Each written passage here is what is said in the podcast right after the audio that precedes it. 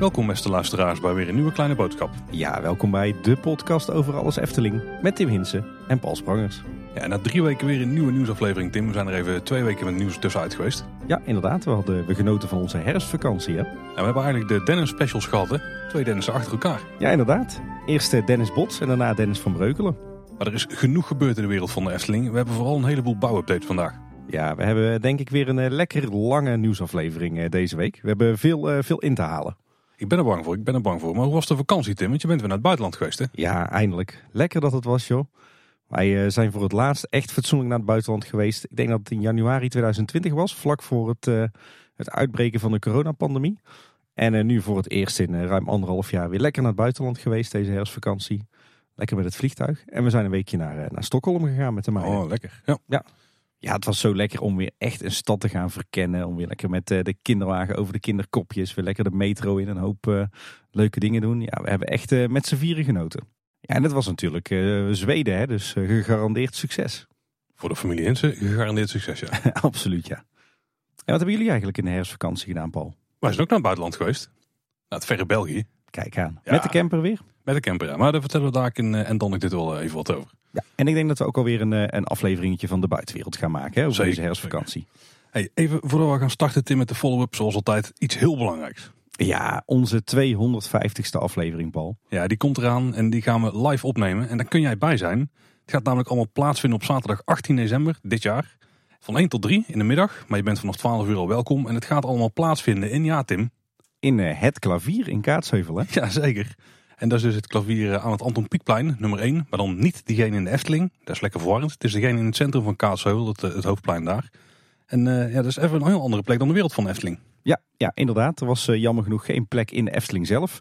Ehm, en ergens is het ook wel weer een voordeel. Want omdat we het nu dus gewoon in Hartje Kaatsheuvel houden, kan iedereen erbij zijn. Ook als je geen Efteling abonnement hebt, dan ben je van harte welkom. En dan hoef je niet eerst 45 euro af te tikken om erbij te zijn. Voordeel is ook dat, je, dat er volle parkeerruimte is. En dat het ook heel makkelijk te bereiken is met het OV. Want er eh, zit een bushalte vlakbij ons gemeentehuis. Want dat is het klavier. Hè. We zeggen wel het klavier, maar dat is eh, eigenlijk het gemeentehuis van de gemeente Loon op Zand. Maar er zit ook een theaterzaal aan, en een bibliotheek en een brasserie. En eh, in die theaterzaal, daar gaan we onze 250ste aflevering opnemen. Ja, je zegt trouwens het is goed bereikbaar met het OV, want er zit een bushalte bij de deur.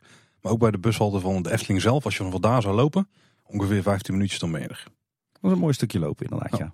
Ja, we zijn al gaan kijken daar. En het is echt een theaterzaal, Tim. Ik had nooit gedacht dat ik zelf in een theater zou staan, eerlijk Ja, het, gezegd. gaat, het gaat gewoon gebeuren. Er kunnen ook een stuk meer mensen dan eh, bij Kleine Boodschap 100. Dus eh, hopelijk voor iedereen die wil komen hebben we ook plek. En wat wel heel belangrijk is, is dat een coronabewijs gaat verplicht zijn. Dat weten we gewoon vrij zeker, want de, de manier waarop de cijfers zich op dit moment ontwikkelen, moeten we denk ik al blij zijn als we niet op een gegeven moment de capaciteit nog moeten terugschroeven. Dus zorg als je komt dat je ook een geldige QR-code hebt. En zorg ook dat je een identiteitsbewijs bij hebt, want die gaan we ook echt strikt controleren.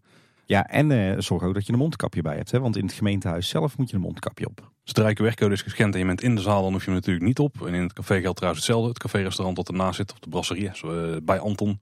Ook weer een mooi Efteling-gerelateerde naam. Ja. Daar geldt hetzelfde. Als je daar je QR-code scant, kun je ook naar binnen, gewoon zonder mondkapje. Maar in de centrale ruimtes heb je die nog wel nodig, ja. Ja, en eh, we, hebben, we zijn natuurlijk druk bezig met een programma. Het eh, wordt gewoon een hele gezellige middag. Eh daar gaan maar liefst twee bekende Eftelingers aanwezig zijn. Die gaan een verhaaltje houden. We gaan nog niet vertellen wie het zijn of waar ze het over gaan hebben. Maar in ieder geval twee bekende Eftelingers. En er zal natuurlijk ook gelegenheid zijn om ons volop vragen te stellen. Ja, en heel belangrijk om binnen te kunnen komen moet je tickets hebben. Moeten namelijk ook de, de kosten van de zaal en zo bekostigen. En die gaan 10 euro per stuk kosten. En die kun je vanaf nu bestellen op kleineboodschap.com slash kb250. En we houden er eh, volgens mij niks aan over. Dus eh, eh, we vragen dat, dat bedrag echt alleen maar om kostendekkend te zijn. Dus, maar goed, dat is natuurlijk maar bijzaak. Het belangrijkste is dat we het heel leuk zouden vinden als we met een hele grote delegatie van onze luisteraars onze 250ste aflevering kunnen opnemen. Zeker, dus hopelijk zien we jullie daar. Ja, en voor degenen die er niet bij kunnen zijn, Kleine Boodschap 250 komt natuurlijk ook uit gewoon op de maandagochtend. Ja, dus in dat geval moet je een dag of twee wachten. Maar dan mis je natuurlijk wel de mooie ambiance die we daar gaan creëren. Absoluut. Lekker eh, Brabantse gezelligheid daar. Hè? Dat zal het horen, ja. Ik denk dat er eh, ook nog wel een eh, kleine naborrel gaat zijn. Die, is, die kunnen we daar heel makkelijk houden in het, in het café wat ernaast zit. hè? Ja. Hey, dan door naar de follow-up. We hebben het We hebben het in de vorige nieuwsaflevering gehad over Max en Moritz. En dat, je, dat daar, eh, als je kind 1,30 meter wordt, er weer een soort uh, milestone is behaald. Want dan kunnen ze alleen in de attractie. Maar we hebben geleerd dat er een oplossing is voor kinderen tussen de 1 meter en 1,30 meter. Die dus niet nog zelfstandig mee kunnen rijden. Die kunnen dan ook wel mee in de wachtrij gaan staan. Ook mee in de attractie met één ouder. Dus één ouder met twee kinderen. En dan wordt daar gewoon iemand naast gezet. Ja, inderdaad. Die tip die kregen we van uh, Inge Rijtsma. Dus bedankt daarvoor Inge. En dat is zeker voor jou, denk ik Paul, op jouw papa middag ook wel echt een, een uitkomst. Ja, maar je krijgt wel een beetje dat uh, awkward moment dat er dus iemand uit de single riders mogelijk bij komt zitten. Nou, sterker nog, die moet erbij komen zitten, want anders dan uh, mag hij dus niet alleen in een karretje zitten. Ik vind het ook wel bijzonder hoor, want hoe zit het dan met, met verantwoordelijkheid? Want ik dacht dat die regel er was, uh, zodat jij als ouder verantwoordelijk bent voor je kind onder een bepaalde lengte. Hm. Als je dus je kind naast een wild vreemde zet, is diegene dan ineens verantwoordelijk voor jouw kind? Dat is een hele goede vraag. Ja, geen idee. Want dat is toch de reden waarom je onder een bepaalde lengte niet zelfstandig uh, in een achtbaan kunt zitten. Omdat er iemand naast je moet zitten die ouder of uh, groter is dan jou, zodat die een beetje een oogje op jou kan houden. Ja, ik denk dat het inderdaad bij degene ligt die naast je zit. Ja. Dat is bijzonder. Hm. Dan moeten we misschien nog even induiken hoe dat zit. Ik zat bij mijn single riders avontuur in ieder geval naast een andere papa, dus daar hoefde ik niet zo heel goed op te letten. Ik had uh, wel een kleine meid naast me, naast me, maar dat was niet mijn eigen meid, dus dat was een beetje bijzonder. En dan nog iets over de houten blokken in Villa Volta, hè? Ja, daar hadden we het natuurlijk de vorige nieuwsaflevering ook over. Dat was uh, trouwens een speciale nieuwsaflevering, want, uh, want daarin konden we eindelijk tijd maken voor een heleboel reacties van luisteraars. Uh, daarin hebben we een heleboel vragen van jullie beantwoord en een aantal van onze antwoorden waren misschien niet helemaal volledig. zo wist een insider ons te vertellen dat de houten blokken in de banken in Villa Volta er ook zijn gekomen omdat er soms mensen met hun knie klem kwamen te zitten tussen de beugel en de bank. Aangezien de beugels eerst allemaal helemaal gesloten moeten zijn, alvorens ze weer open kunnen, levert dat wel een hele pijnlijke situatie op. Dus ook dat is een reden waarom die houten blokken in de banken zitten in eh, de hoofdshow van Villa Volta. Nou, kijk. En we hebben ook nog een klein uh, cursusje gehad van Nicky Steenkist van Upload Podcast. Die hebben trouwens ook recent een hele leuke aflevering online gezet met iemand die ook dingen voor de Efteling heeft gedaan. Dus check de interview zeker, heel tof. En die schrijft, Saggertochter komt uit Oostenrijk, van origine uit het hotel Sagger. En toen hebben we nog even op Wikipedia verder gespeurd. En uh, daarbij uh, wordt beschreven dat de beroemde taart uit Wenen bestaat uit chocoladecake, gevuld met abrikozenmarmelade en bedekt met een dikke laag chocoladeglazuur. Klinkt niet als een straf. Nee, die moeten we gewoon gaan checken zodra die uh, bij Krumel beschikbaar is. Dat 4 december, hè, als het goed is. Oh, ik heb er zin in. Ja. we hadden het bij het behandelen van de vragen van luisteraars ook nog even over de Python en hoe dat nou zat met het, met het feit dat je tegenwoordig eigenlijk altijd stil komt te staan op de, de trim voor het station. En uh, ook hier kregen we input van een insider hoe het nou precies zit. En deze insider die schrijft... Tot de retrack in 2018 werd de Python-trein in het station handmatig geremd door de operator. Na de retrack is het systeem geautomatiseerd.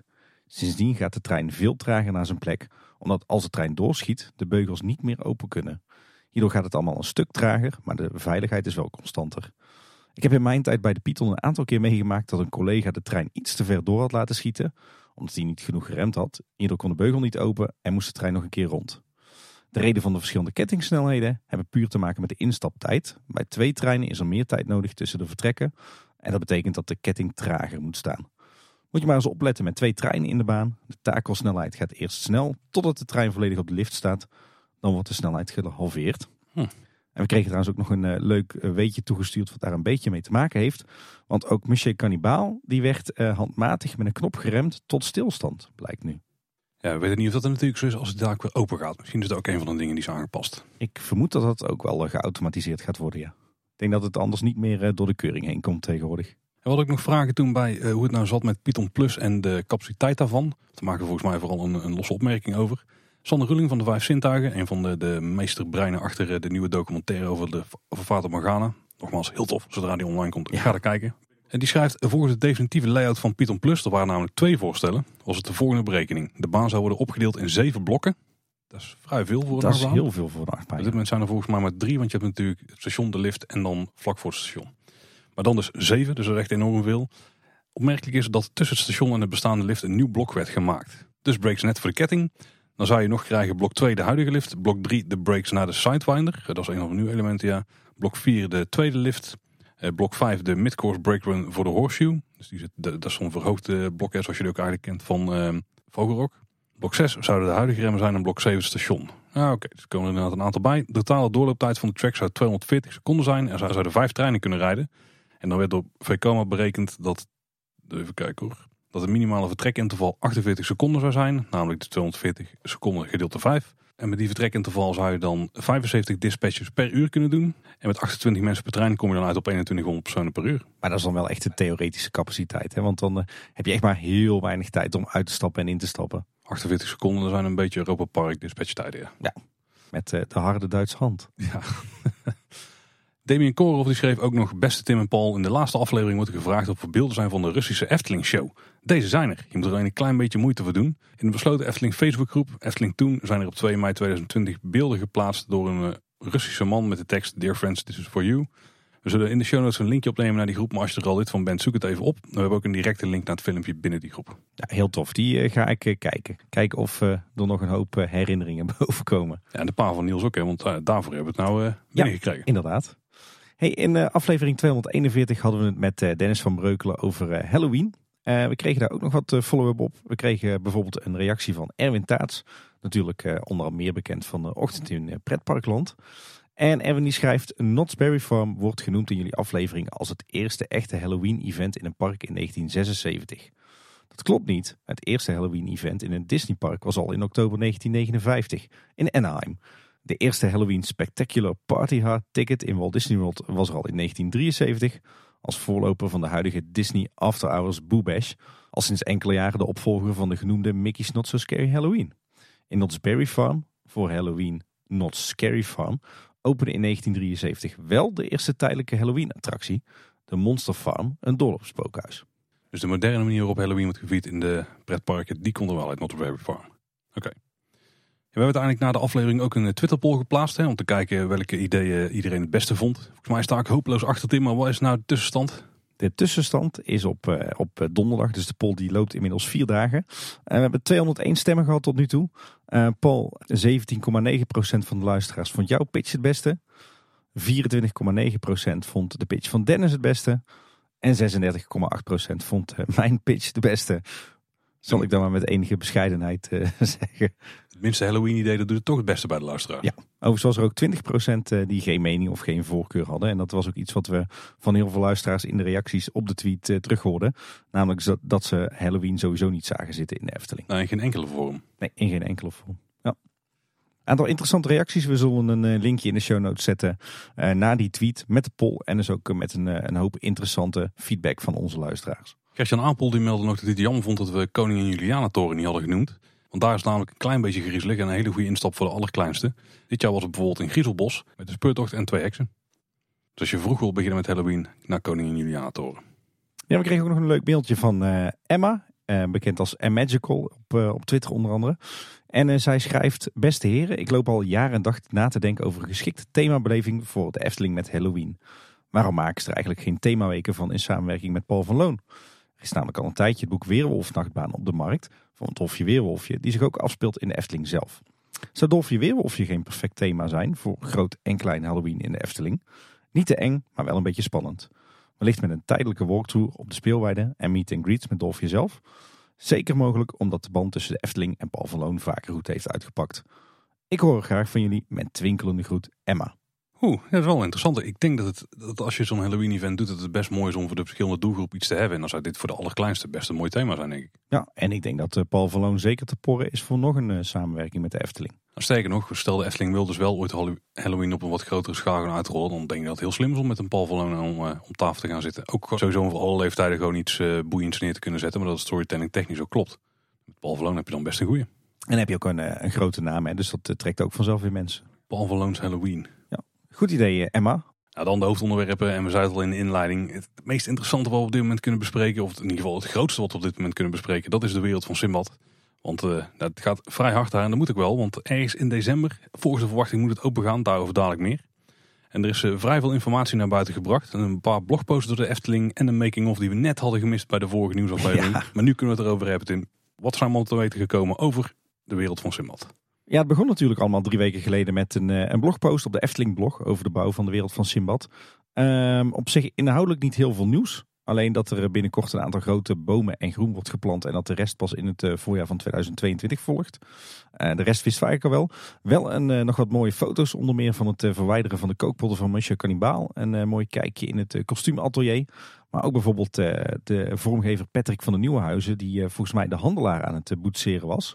En ook wat hele duistere foto's. Waarin ze volgens mij wat weggaven van de ontwerpen en het modelletje dat ze hebben gemaakt voor die handelaar. Die in de kap van Sirocco komt te hangen. dus het was op zich een, een mooie opwarmer.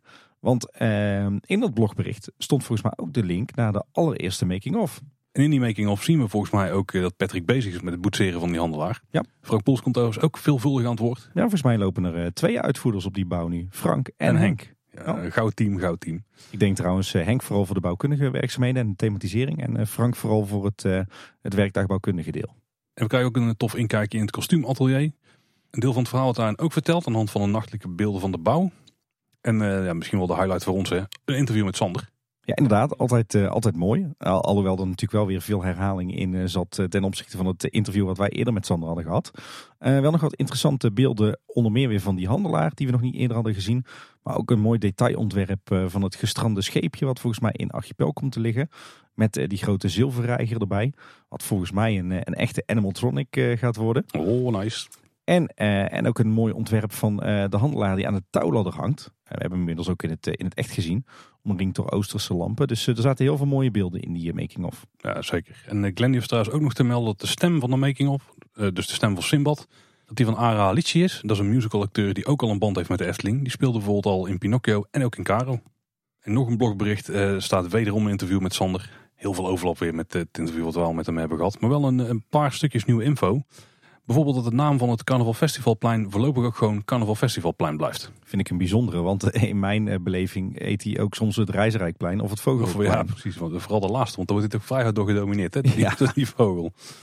En daarnaast vertelt Sander nog dat wij straks als bezoekers deelnemen aan de handelsdelegatie van Simbad de Zeeman.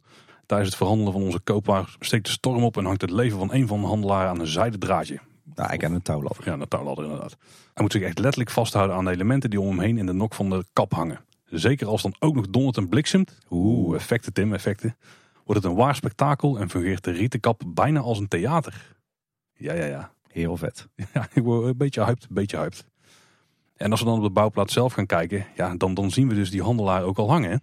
Ja, wat is er veel gebeurd de afgelopen drie weken, Paul? Ik heb aardig wat uurtjes versleten de afgelopen week om er een beetje een uh, allesomvattend en uh, kloppend overzicht van te maken. Wat is er dus gebeurd op de bouw? laten we het maar even opknippen in drie losse onderdelen. En laten we dan eerst gaan kijken naar Sirocco, de opvolger van Monsieur Carnival natuurlijk. En ja, daar het belangrijkste nieuws misschien toch wel, Paul, dat zit echt helemaal in jouw straatje. Ja, want we krijgen zoals ik net al zei een animatronic of, of beeld van de handelaar. Maar die zie je in ieder geval hangen in de nok. Eh, die hangt er aan een touwladder, dus onder de rieten kap. Qua vormgeving een heel tof eh, karakter, maar ja, animatronic of beeld. Toen de microfoons uitgingen eh, tijdens ons interview met Sanders, hebben we nog een hele discussie over gehad. Hè? Wanneer is nou iets een animatronic en wanneer is het een beeld? En de Efteling die kan beide goed toepassen. Waarbij sommige hele subtiele beelden misschien ook wel een, een halve animatronic zouden kunnen zijn. Ja. Even de vraag wat hier gaat gebeuren. Ik denk dat hij wel iets van beweging krijgt in zijn, uh, in ieder geval zijn arm en misschien zijn hoofd. Dus dat is nog even afwachten. En misschien inderdaad wat minimale bewegingen zoals we die ook nu zien bij uh, Max en Moritz in uh, het station en op uh, Vrouw Ja, zoiets, ja. ja. Nu zag je vooral die kunststof schaaldelen, hè, waar nog kleding omheen moet. En er waar ook volgens mij nog een masker omheen moet. En dat is voor een deel nog ingepakt om niet beschadigd te raken terwijl ze aan het klussen zijn in de rest van de attractie. Maar hij hangt boven die, die sokkel waar de kannibaal op stond. En die hebben ze ook aangepakt inmiddels. Ja, daar was nog een klein eh, stukje van over. Um, dat onderste deel hebben ze inmiddels bekleed met, uh, met bamboe. Uh, is mij niet duidelijk of daar nog iets op gaat staan. Of dat het gewoon een, zeg maar de as is van de draaischijf. Maar er is er geen enkele reden dat die as zo ver zou hoeven uitsteken. Ja. Af te vragen van, slijpen ze die niet af of maken ze hem korter? Of komt daar misschien nog een element overheen? Ja, goede vraag. Dat is iets gewoon nog in de gaten gaan houden. Wat we ook kunnen zien is dat het nieuwe gedeelte van de meandering gereed is. Die gaat er dus deels over water, deels over land. Die is nu nog uitgevoerd uit een hele set witte ja, buizen. Die dadelijk waarschijnlijk ook eh, tot bamboe gemaakt gaan worden. Nou, dus eigenlijk is dat eh, de oude overkappingsconstructie van de meandering van Monsieur Cannibal. Hè? Is hem dan volledig? Ja, die is, eh, die is gewoon helemaal hergebruikt. alleen die hebben ze de afgelopen tijd opgeschuurd en in de grondverf gezet. Dus die krijgt nog wel een, een nieuw lakje. dacht dat ze om diezelfde afstand overbruggen misschien net iets meer nodig hadden. Maar dan zouden, nee, ze doen het niet helemaal tot het begin, hè? tot de Nee. ingang. Ah, oké. En ook aan die overkapping horen dus die gethematiseerde Oosterse armaturen opgehangen. Die eh, zijn vrij vergelijkbaar met de, degene die we onder de kap zien. Zien er ook heel chic uit. Heel mooi. En ook weer een eh, mooie knipoog naar eh, onder meer de armaturen van eh, de Indische waterlelies. Ja, we zien onder de kap zien we naast die lampen ook een hoop ja, lampionnen hangen. Beetje van Ja. die bolvormige eh lampionnen. Die zien we in diverse kleuren stof er hangen. Mooi afgewerkt met gethematiseerd metaalwerk. En ook van die flosjes eronder. Ja. Hangt nog wel een vrij lullig eh, ja, stukje, noem je zo'n oogje aan. Wat dan in niet afgewerkt metaal is. Nee, daar mogen ze misschien nog even overheen met, eh, met de spuitbus met goudverf. Zoiets of zo, ja. Overigens vermoeden we eerder dat er misschien sprake zou zijn van gaslampen. Maar dat lijkt niet het geval. We hebben het dus even goed bestudeerd. Ook de oude beelden. En eh, de, de twee ja, gasleidingjes die wij eruit zagen komen met van die koperen koppelingen aan het eind. Die koppelingen blijken gewoon fittingen te zijn voor lampen. Want er zitten gewoon twee lampen in ieder bolletje. Dus Ja. dat was echt een stukje onzin van ons. Ja, precies. Ik heb trouwens wel het vermoeden dat dit eh, geen eh, lampen zijn die ze van de plank eh, ingekocht hebben. Het zou me niks verbazen als dit eh, eigen productie is uit het, eh, het Gildenhuis. Het zou zomaar kunnen, ja. Er werd trouwens eh, vorige week ook eh, volop geslepen aan eh, de constructie van, eh, van de draaischijf van eh, voorheen Monsieur Cannibal. Het eh, leek erop dat ze grotere sparingen aan het eh, hebben gezaagd in de draaischijf. Ehm, vreemd, want je zou toch verwachten dat die, eh, die scheepjes op de draaischijf staan en niet in de draaischijf. Ja. Maar misschien dat ze ze toch op de een of andere manier in de draaischijf laten verzinken. Of zou er misschien een ander stukje bewegingsmechaniek nog nodig zijn? Dat ze beperken hoe ver ze om een as kunnen draaien. Ja. Als af en toe terugbouncen of zo. Het was volgens mij wel echt de vorm van de onderkant van het, eh, het voertuig waar je straks in komt zitten, die ze eruit hebben geslepen. Hey, maar daar gaan ze dus niet op zichzelf bewegen. Nee. Om een eigen as in ieder geval draaien. Ja, dat deden de kookpotten natuurlijk de laatste jaren ook al Ja, meer. was wel de bedoeling, hè? Overigens wordt, eh, wordt de draaischijf momenteel aan het eh, oog onttrokken door een heleboel groene zeilen. Die ze hebben opgehangen onder de rietkap. Is eh, niet voor niets, want eh, vandaag, tenminste op, de dag van opname, hebben ze eh, naar verluid de hele draaischijf blauw gespoten. Ja. Er zat natuurlijk nog een beetje die, ja, die lijnpatronen in. in wat is dat? Wat was het? Crème, wit, lichtgroen en donkergroen. Een beetje dat patroon wat vroeger tegen het droomvlucht aan zat aan de buitenkant, aan de achterkant. Ja, daar had het wel wat van weg, ja. En wat ook wel tof is om te zien is dat er nu alle betonwanden van de waterpartij van Sirocco die zijn eh, klaar. Hè, dus alle bekistingen is daarvan afgehaald. Ja. Er zijn ook eh, meer palen daar in het water geplaatst. Misschien ook wel eh, dat dat de plek waar de, de, de boot van Simbad zelf komt Ja. te liggen. Zou heel tof zijn. In ieder geval hele mooie ruwe houten palen. Ja, wat je ook kunt zien is dat, want de bak die is nu rondom, ja, die heeft gewoon rechte wanden. Ja. We hebben natuurlijk die plek waar het strandje komt. En dan lijken ze een, ja Tim, je hebt in ons draaiboek mooi een taluut neergelegd. Maar gewoon een, een, Ja. een zandhellingje. Die dan dus vanaf die rand het water in loopt. Waar ze dan dus waarschijnlijk beton overheen gaan storten. Waardoor je echt zo'n oplopend strand gaat krijgen. Op die plek waar die meerpalen ook staan. Maar ja, volgens mij hebben ze ook schraalbeton gebruikt hoor. Dus dan is het in één keer ook meteen hard. Nou, ik voel dus dat ze daar overheen een, een laag themabeton gaan, eh, gaan leggen. Die dan over, Themabeton, dat is een Ja. mooie voor in, eh, op Eftepedia. die, eh, die dan overloopt dus op de kade. En daar liggen ook al stenen klaar. Die dan ook in dat beton komen te liggen. Die ook een beetje moeten voorkomen dat je de, het water in gaat lopen. En misschien als er dan iets van beweging in het water komt. Dat het water daar ook aanspoelt. Hè? Tegenaan klotst. Ja, Ja. zou mooi zijn. Het ziet er in ieder geval heel gaaf uit. Ja. En jij zei het al Paul, er liggen ook eh, her en der eh, grote keien. Zowel in die nieuwe waterpartij als ook eh, op de rand. Eh, wat verder nog opvalt is dat ze inmiddels ook een, een hoog en een laag muurtje hebben gemetseld bij de uitgang van Sirocco. Dat is eigenlijk de plek waarbij bij Monsieur Cannibal nog dat, dat bruggetje van vlonderplanken lag. Inmiddels is dat muurtje ook gestuukt en uitgekrapt met de gebruikelijke Eftelingse scheuren.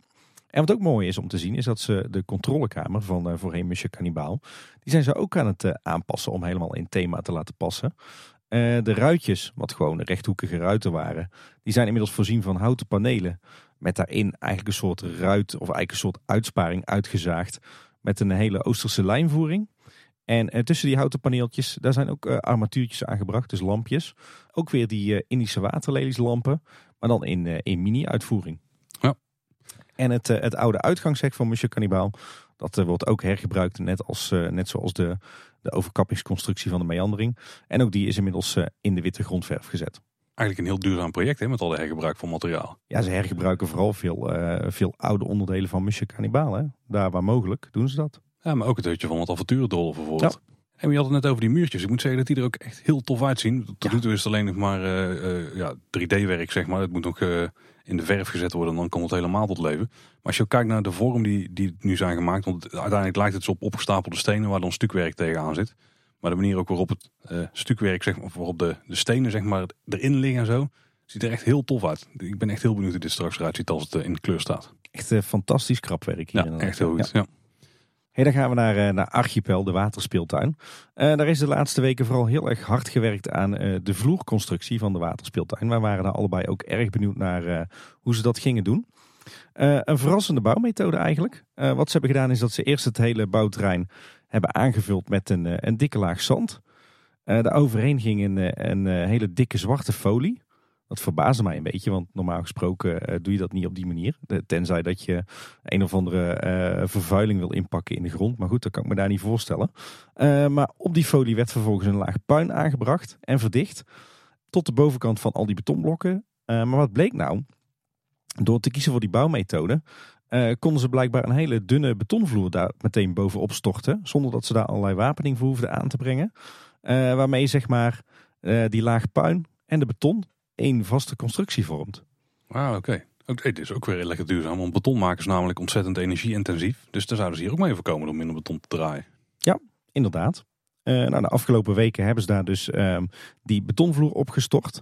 Uh, en het leuke is dat ze daar uh, meteen allerlei elementen in hebben opgenomen. Dat is misschien ook wel een voordeel van zo'n relatief dun vloertje. Uh, zo hebben ze er allerlei stapstenen ingelegd, allerlei grote keien ingelegd. Maar ook bijvoorbeeld uh, wat ankertjes om nog wat dingen aan te bevestigen. Een hoop kabels en leidingen. kolkjes waar het water straks in weg kan lopen. Dat zit nu allemaal in één keer in die betonvloer. het lijkt er ook op dat die op kleur is. volgens mij een beetje een, een, een lichtgele zandkleur. Ja, volgens mij wel ja. En, wat ook opviel is dat ze het afgestrooid hebben met een soort wittig poeder. En mogelijk hebben ze dat gebruikt om een soort textuur aan te brengen. Ja, zodat het oplost in water, zodat je daar eh, wat extra grip krijgt als het dadelijk weggespoeld is. Ja, ja of een beetje dat, uh, dat zand-idee te geven. Hè? Ja, ja, ja. Ik moest trouwens wel lachen. En ze hebben volgens mij ook wat stapstenen gebruikt die ze over hadden van eh, de onderhoudsklus bij de Indische waterlelies. Wat van die crème kleurige flagstones. Die zou me niks verbazen als die uit dezelfde partij komen. Trouwens, wat tof was om te zien is dat ze het vloertje dus ook hebben doorgestort in het oude bamboehoutje wat, wat bij het dolle hoorde. Dus de dwars erheen. Ja, dat gaat dus ook echt onderdeel uitmaken van eh, de speeltuin. En volgens mij hebben ze ook een aantal van de openingen in het huisje. Want volgens mij had het huisje aan drie kanten uh, een opening. Volgens mij hebben ze er twee daarvan nu dichtgetimmerd. Twee dichtgetimmerd? Ja. Dus je kunt alleen in? Ja. in oh, oké. En wat ook nog wel opvallend is, is dat uh, niet heel archipel uit die, die lichtgele betonvloer bestaat. er zijn ook enkele gedeeltes gespaard. En ik heb de indruk dat ze daar nu zwarte grond aan het in aan het werken zijn, zodat ze er straks wat beplanting in kunnen aanbrengen. Oh, ik dacht dat ze misschien uh, bepaalde vlakken in andere kleur zouden doen of zo, zodat je zo'n twee kleuren constructie krijgt. Maar er zou dan wel met harde overgangen zijn. Nou, hoort past niet echt bij zo'n natuurlijk voelend project. Dat was meer iets voor Max en Moritz geweest. Ja, ja. en ik denk dat het heel mooi is hè, als, je, als het niet één grote betonplaat is, maar als je op een aantal eh, plekken wat plukjes groen hebt. Maar loopt het beton dan wel op bij die plekken, zodat het water daar niet in loopt? Ja, ja dat ah, hebben we natuurlijk nog niet gezegd. Maar die betonvloer die ze nu dus hebben gestort, uh, die is ook nergens echt vlak. Daar zit wel echt looiing in, ja. Oké, okay. hm. groen ertussen kan zeker voor de sfeer heel tof zijn. Ja, maakt het wel heel speels natuurlijk. Ja. Nou, verder uh, zien we ook al in Archipel de eerste houten constructies verrijzen. Uh, waarschijnlijk voor allerlei bruggetjes. deels lopen die natuurlijk ook over in de nieuwe meandering van Sirocco. En heel tof, de eerste twee, ja wat zijn het eigenlijk, twee hutjes die zijn inmiddels ook geplaatst in Archipel. We zagen die eerder al op eh, de speelweide staan. Het zijn eh, prefab huisjes, opgebouwd uit van die dikke houten balken. En zeg maar de, de, de, geveltjes die zijn ingevuld met, met dunne stammetjes. De daken die zijn gemaakt van een houten plaatmateriaal. En er zitten ook constructies op om straks wat pironnetjes op te bevestigen. En het verrassende is dat ze grotendeels met de voetjes niet in het beton staan, uh, maar waarschijnlijk dus ook uh, in die plantsoentjes. Ja, het gaat er heel chic uitzien, want ze zijn de eerste hutjes nu aan het bekleden met riet. Ja, en die daken die gaan er ook weer tof uitzien. Volgens mij hebben we daar een heel mooi geheel, zeker als er wat groen bij staat. Ik denk dat we straks een uh, super deluxe waterspeeltuin gaan krijgen hier. Ik zag trouwens ook nog dat er op de speelweide ook nog wat uh, pallets klaarstaan met uh, van die bamboestokken. Dus misschien dat die ook nog wel worden gebruikt voor de aankleding. Dat lijkt me wel, ja. ja. En we zien ook dat er zwarte en rode leidingen naar alle huisjes lopen in Archipel. Dus komt er dan misschien ook geluid in? Elektriciteit sowieso voor lampjes, vermoed ik. Denk het wel. Misschien wel effecten. Oeh. En uh, sowieso wel grappig om te zien dat overal in die betonvloer van Archipel... dat er overal uh, leidingen en kabels uit de grond komen. Dus uh, ik denk dat we nog allerhande elementjes terug gaan zien in die, in die speelvloer. Ja, maar we ook steeds meer aanwijzingen naar lijken te zien is naar die golfslagmachine die we ooit al hebben genoemd. Er liggen namelijk flink wat PVC-leidingen naar een grote put naar Archipel. Een beetje ja, achter in de hoek en naast het elektriciteitsgebouwtje, zeg maar.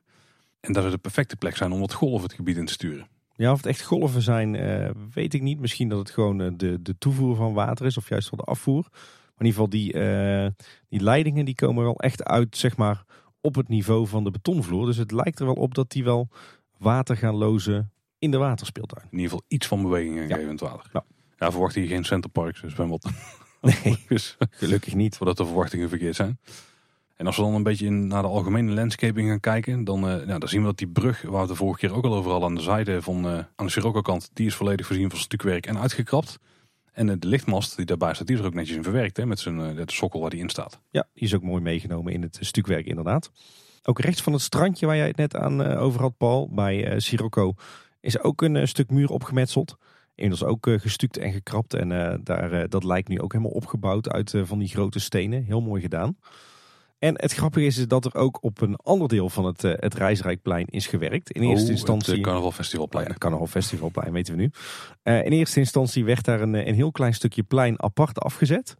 Maar inmiddels is dat gewoon bij het bouwterrein getrokken. Dus de omheining staat een heel eind verder op het, op het Vogelrokplein. Ehm, en waarom? Nou, daar hebben ze de andere kant van die grote brug opgemetseld. Um, inmiddels is daar ook zo weer zo'n bruine lichtmast geplaatst. Um, en hebben ze het geel ook uh, gestuukt en ook weer uitgekrapt met uh, allerlei doorpiepende stenen en uh, scheuren. in dit geval is het trouwens niet één rechte brugleuning, zoals we aan de kant van Sirocco zien. Maar het is een muurtje met aan één kant ja, iets wat lijkt op, op een bankje. En nog een, een losse, ja, eigenlijk losse poer met op die lichtmast. En de afgelopen dagen is trouwens ook gewerkt aan de vloer rond dat muurtje en die bank en die lichtmast. daar hebben ze nu namelijk recent gekleurd beton in verwerkt. En dat is het thema beton geworden, dus met een eh, structuur erin en keien erin verwerkt. Dus daar ga je straks midden op het, het Vogelrokplein ga je een stukje brug zien met heel plaatselijk alvast die, die themavloer. Je hebt die grote rechtopstaande rots, dus met die twee oren lijkt die wel te hebben eigenlijk. Er zit, een, uh, er zit nou ook flink wat stukwerk op, maar in de voorzijde daar zit een, ja, daar hebben ze volgens mij, terwijl, terwijl ze een stuk waren, een groot stuk hout in gehad. Ja. Dus dat zou wel eens het attractiebord kunnen worden. Ook weer heel mooi uitgekrapt. Het doet me zelfs een beetje denken aan dat steltje van Pirates of the Caribbean. Met die grote brokken steen en dat stukwerk. Volgens mij geen verrassing dat ze daar een beetje inspiratie hebben opgedaan nee. de, in Adventureland. Overigens hele toffe details hoor, in dat, dat, die rots waar straks het attractiebord gaat komen. Echt prachtige bloemmotieven en eh, krullen daarin eh, uitgekrapt. Wat we ook zien is dat er eh, een hoop lichtmasten inmiddels zijn geplaatst. Oosterse lichtmasten wel te verstaan, dus gethematiseerd verlichting, waarschijnlijk wifi en zo. Volgens mij komen er ook wat vaandels aan te hangen. Ja, heel mooi. Die zijn echt bijzonder mooi gedetailleerd. Ja, en ik zie ook her en der dat ze wat, wat ruwere houten palen hebben neergezet, waar ook weer lampjes aan, aan vastzitten. Dus volgens mij wordt het een heel feest van verlichting als het uh, s'avonds donker is. En we hebben ook gezien dat ze bezig zijn met de paden vlak voor Sirocco. Ook weer van die betonverhardingen. Gethematiseerd met stenen erin. En eh, die dan ook mooi zo een beetje bol aflopen eh, aan de zijkant van het eh, gebied. Loopt dus voor de attracties langs en die gaat ook richting het attractiebord. Dus dat zal denk ik een beetje het type pad zijn wat we dadelijk op meer plekken rondom de attractie gaan zien. Ja, was ook al verklapt door Sander in ons interview met hem. Wat ik mooi vind is dat, dat dit beton een, weer een andere aardetint heeft. Meer roodbruin. En dat ze op heel wat plekken allerhande flagstones erin hebben verwerkt. Zeg maar van die, uh, van die natuursteentegels. En uh, grote keien in het wegdek. Het ziet er echt heel tof uit. Volgens mij gaan, er ook nog wel wat, uh, gaan we er wat scheuren in, in zien. enige bijzondere vind ik wel dat er op een bepaald punt... dat er een heel aantal houten palen op een rijtje staan. Ja?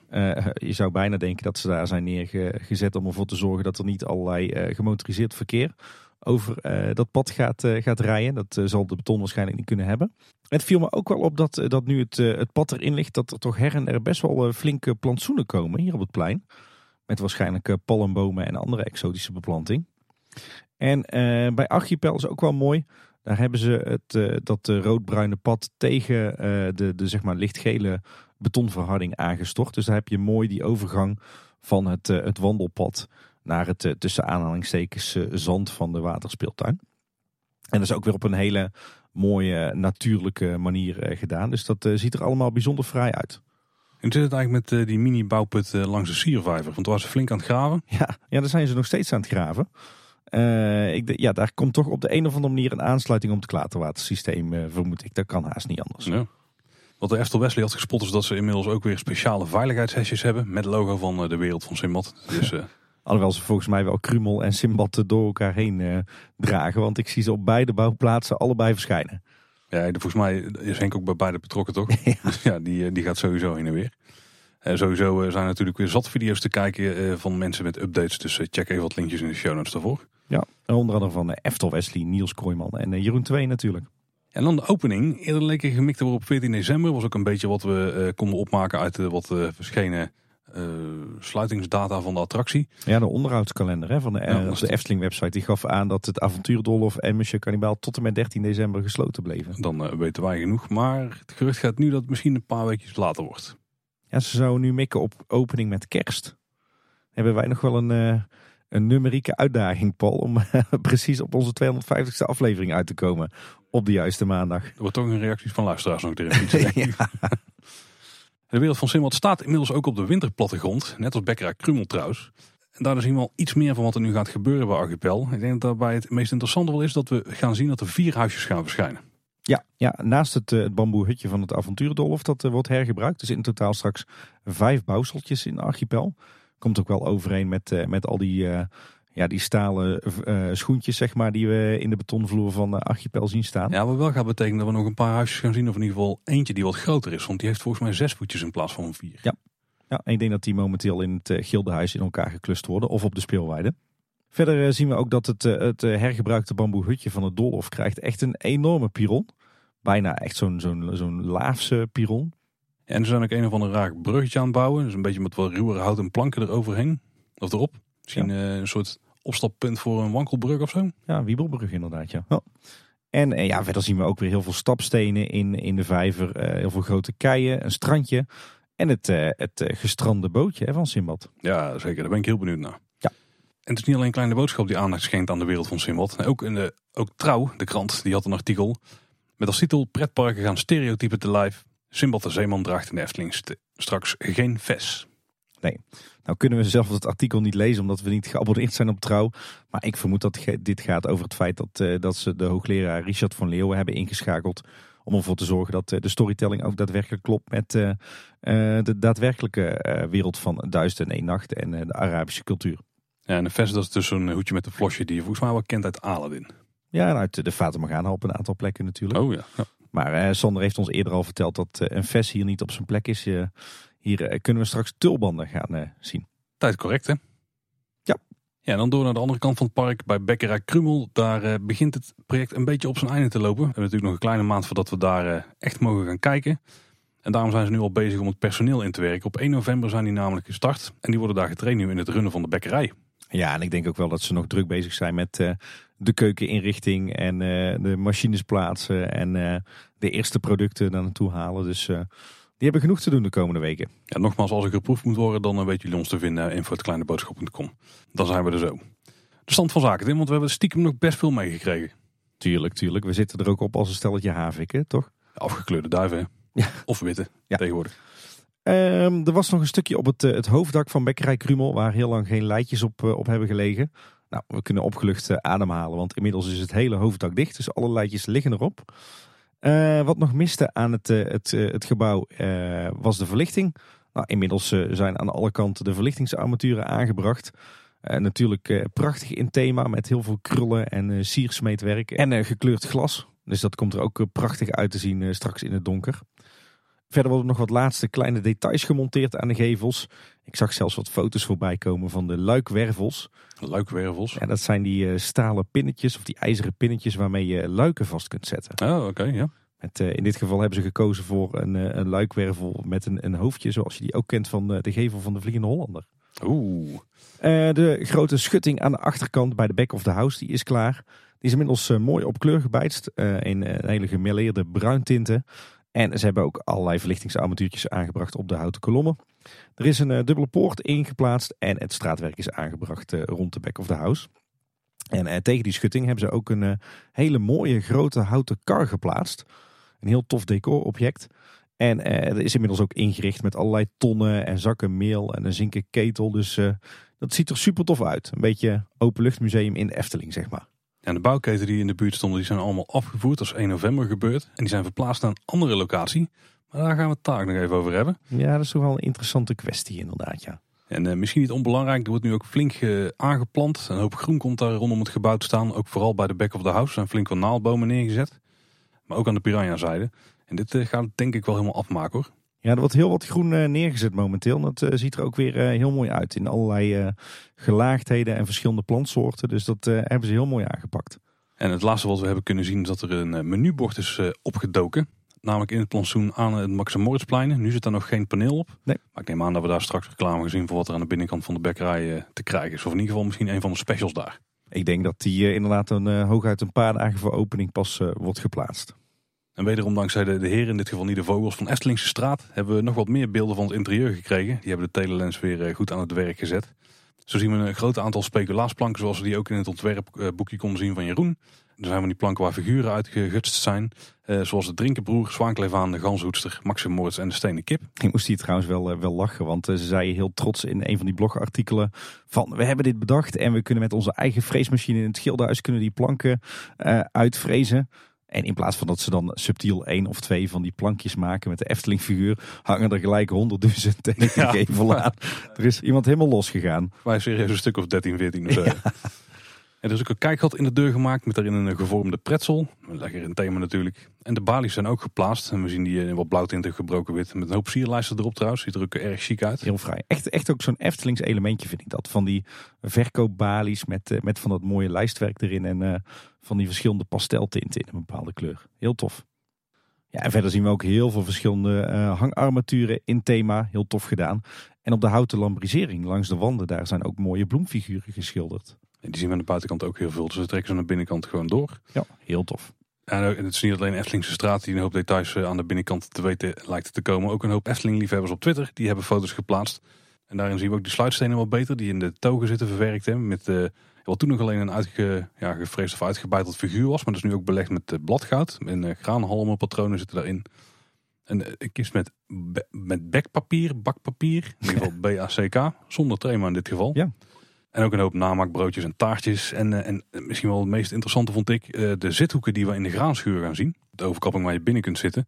Lijkt flink wat capaciteit te krijgen. Want eh, je hebt eigenlijk een pad in het midden. En dan aan de linker en rechterkant heb je dus van die zitjes. En die zijn een beetje vergelijkbaar met de, de zitjes die op een paar plekken, tenminste qua algemeen ontwerp, kon vinden in uh, vooral Bolteskuge.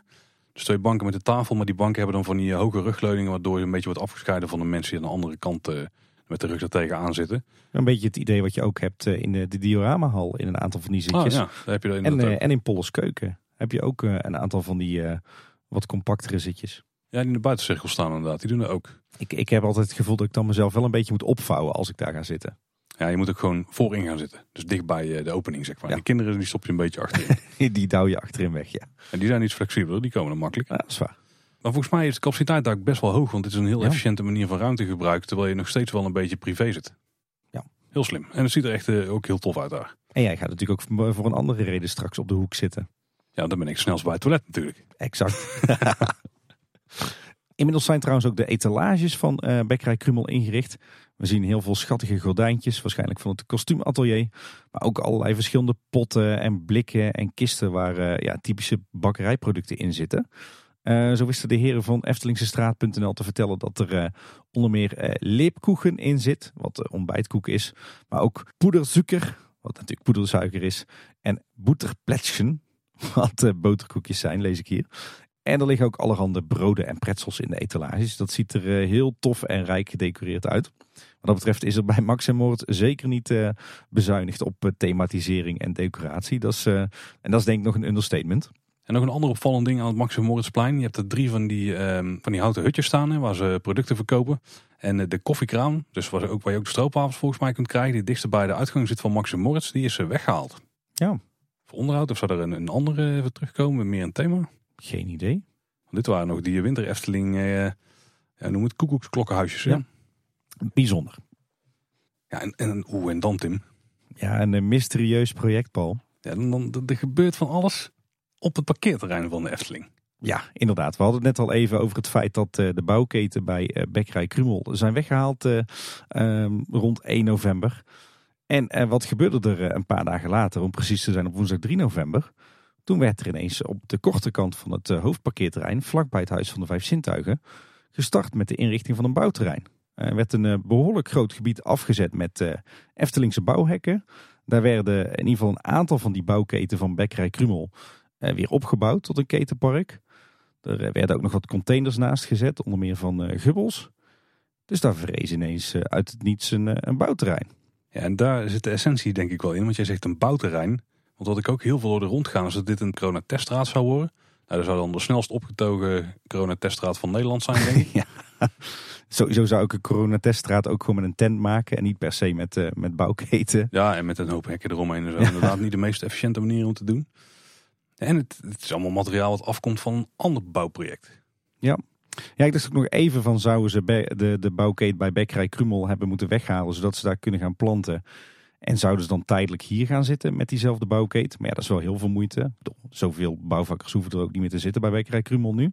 Ja, afonderuit aan het Huis van de Vijf Zintuigen zijn ze ook nu mee bezig. Hè? Ze hebben daar delen van afgezet, omdat ze binnen, aan de binnenkant van de kap zijn ze bezig met wat ja, ik denk wel buitencontroles of zo. Ja, daar, daar gaan we het straks nog even over hebben onder het, uh, in het juiste hoofdstukje. maar sorry, ehm, ja, ik dacht in eerste instantie ook, maar ik zie, als ik zie hoe snel het, uh, het onderhoud van het Huis van de Vijf Zintuigen nu opschiet, dan gaan ze daar ook zeker niet zo'n grote bouwplaats voor inrichten hoor.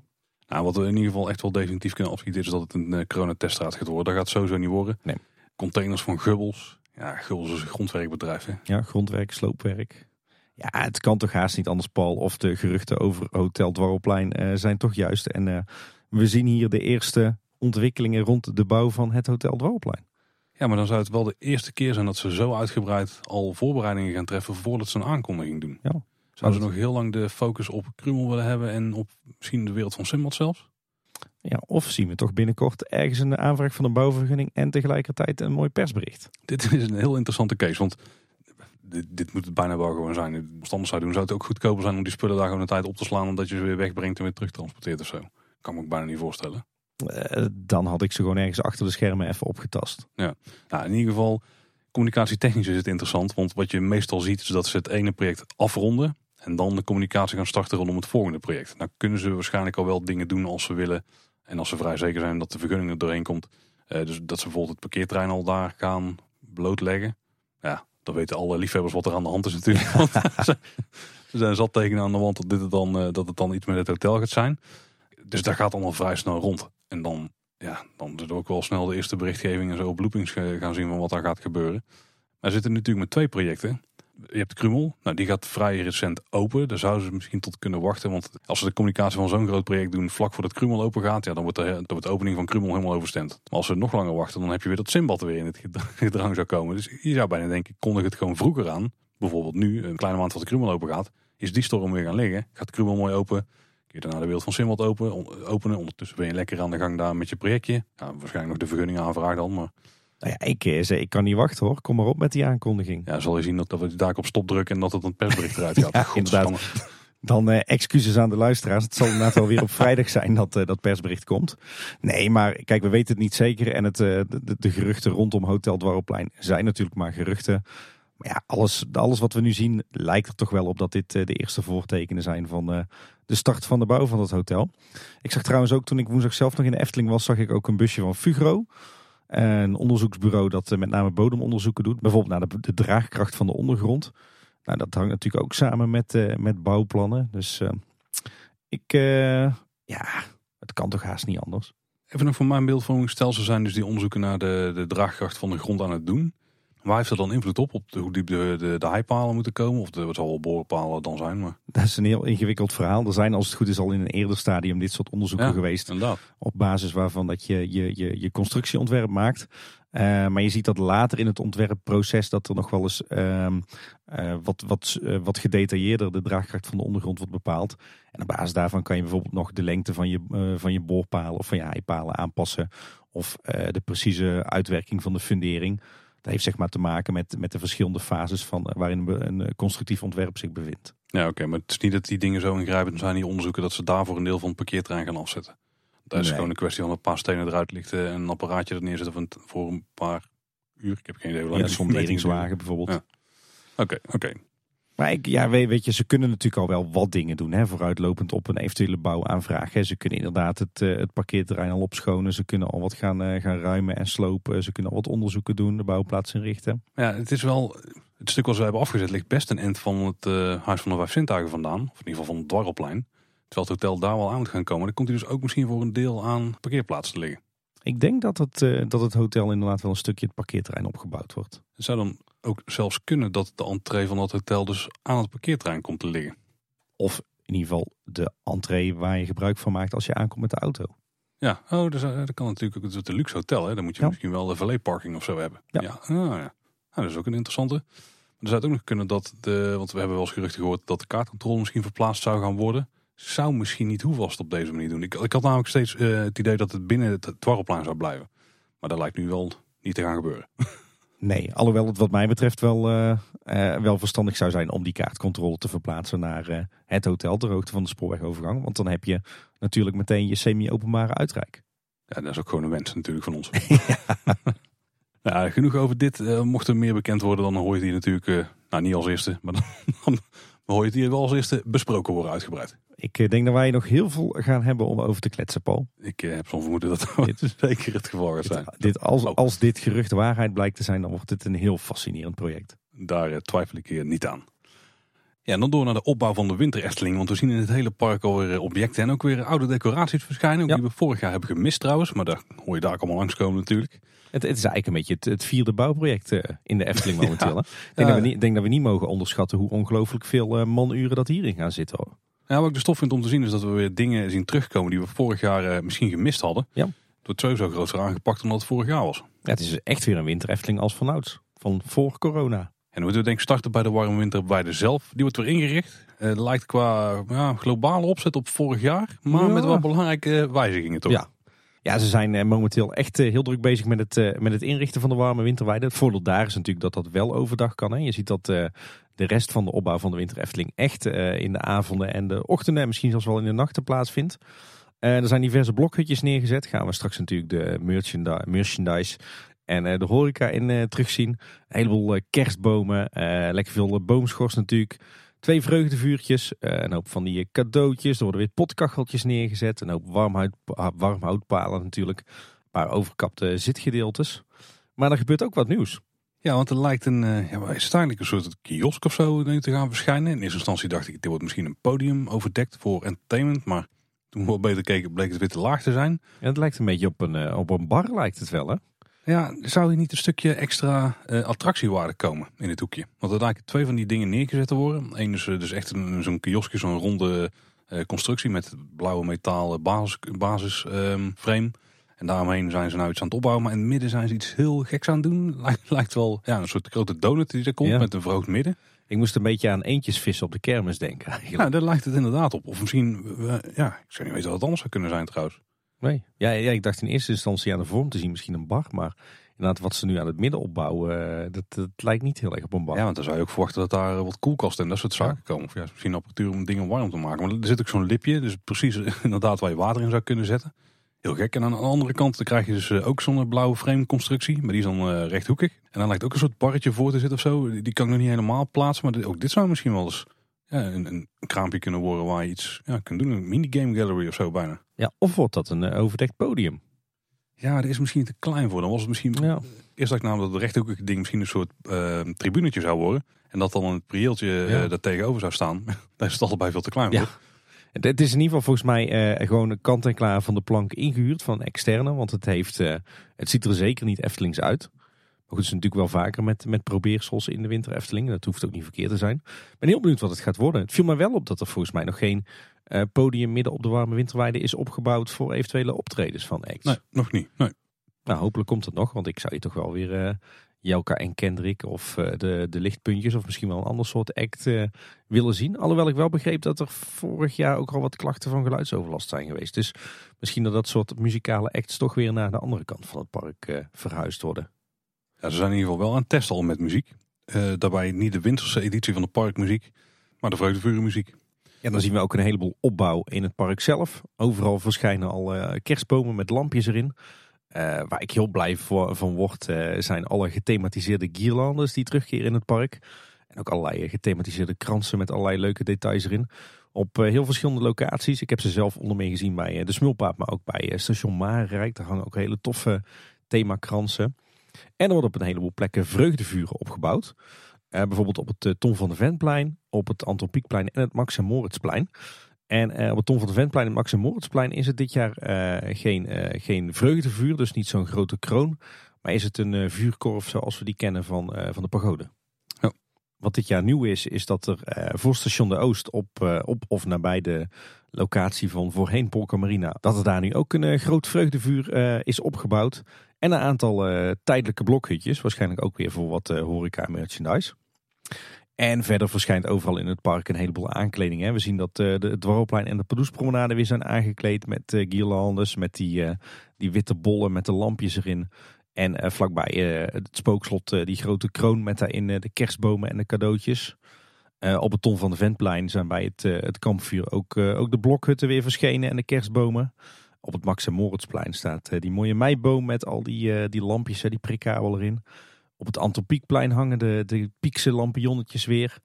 Uh, het plein achter het spookslot hebben ze de vogelkooitjes weer in de bomen gehangen. Dus ze zijn echt lekker bezig. Volgens mij wordt alle decoratie weer van stal gehaald. In tegenstelling tot vorig jaar toen het ja. iets behouden was. Ja. En in tegenstelling tot de afgelopen zomer. Toen er helemaal niks extra was nee. gedaan, ja. Ja, zoals we weten hebben heel veel van de beeldjes in het park, die hebben ook een winterversie. Nou, die zijn bijna allemaal al vervangen. Ook in het Sprookjesbos. En ook het ingangsbord en de paddenstoelen zijn weer vervangen door de winterversies. En ook de ijsbloemen op de toren van Rapontje en de extra winterdecoratie in de grot van Sneeuwwitje. Ja, en ook de apenfontein voor station de Oost, uh, die is weer voorzien van aankleding. Hè. De aapjes hebben allemaal weer sjaaltjes om, heel leuk. Op het Dwarrelplein en uh, langs het, het, wandelpad achter de Piranha, daar staan weer van die lantaarntjes op de grond. Um, Verder zijn de ijsvissen teruggekeerd in de Siervijver bij de Gondoletta. En op het Huis van de Vijf Zintuigen staat ook weer de winterverlichting. Kortom, er is eh, de afgelopen nachten heel hard gewerkt. Ja, en dan door naar de coronacrisis, wat de afgelopen maanden eigenlijk wel een steeds positiever item bleek te worden. Maar nu gaan we toch weer een beetje de andere kant op. Misschien eh, moeten we eerst eens eh, gaan kijken naar wat er allemaal is gebeurd in het park. Ja. En daarna naar de wijzigingen voor de toekomst. Ja, want uh, laten we maar beginnen met het goede nieuws. Uh, we kondigden het eerder al aan, maar uh, in de nacht van 18 op 19 oktober heeft een team van ruim 30 Efteling-medewerkers de kuchschotten weggehaald op vrijwel alle resterende locaties. Echt een topprestatie. zo hebben ze de kuchschotten weggehaald uit de Symbolica, Carnaval Festival, de Vogelrok, de Gondoletta, de Halve Maan, de Python, Vliegende Hollander, Joris en de Draak, Fata Morgana, Droomvlucht de Piranha en Baron 1898. Schrijft u mee. Uh, ja, echt een topprestatie. En ik moet zeggen, het park uh, knapt daar enorm van op. En uh, zeker ook de verschillende binnenmeanderingen. er staan nog wel van die schermen bij Villa Volta en bij Max Moritz. En ook de extra wachtrij van Carnaval Festival. Dus een stukje wat op het dienstencentrum staat. die is er nog. En een klein stukje bij Joris en de Draak. Het pad wat richting Villa Padou staat.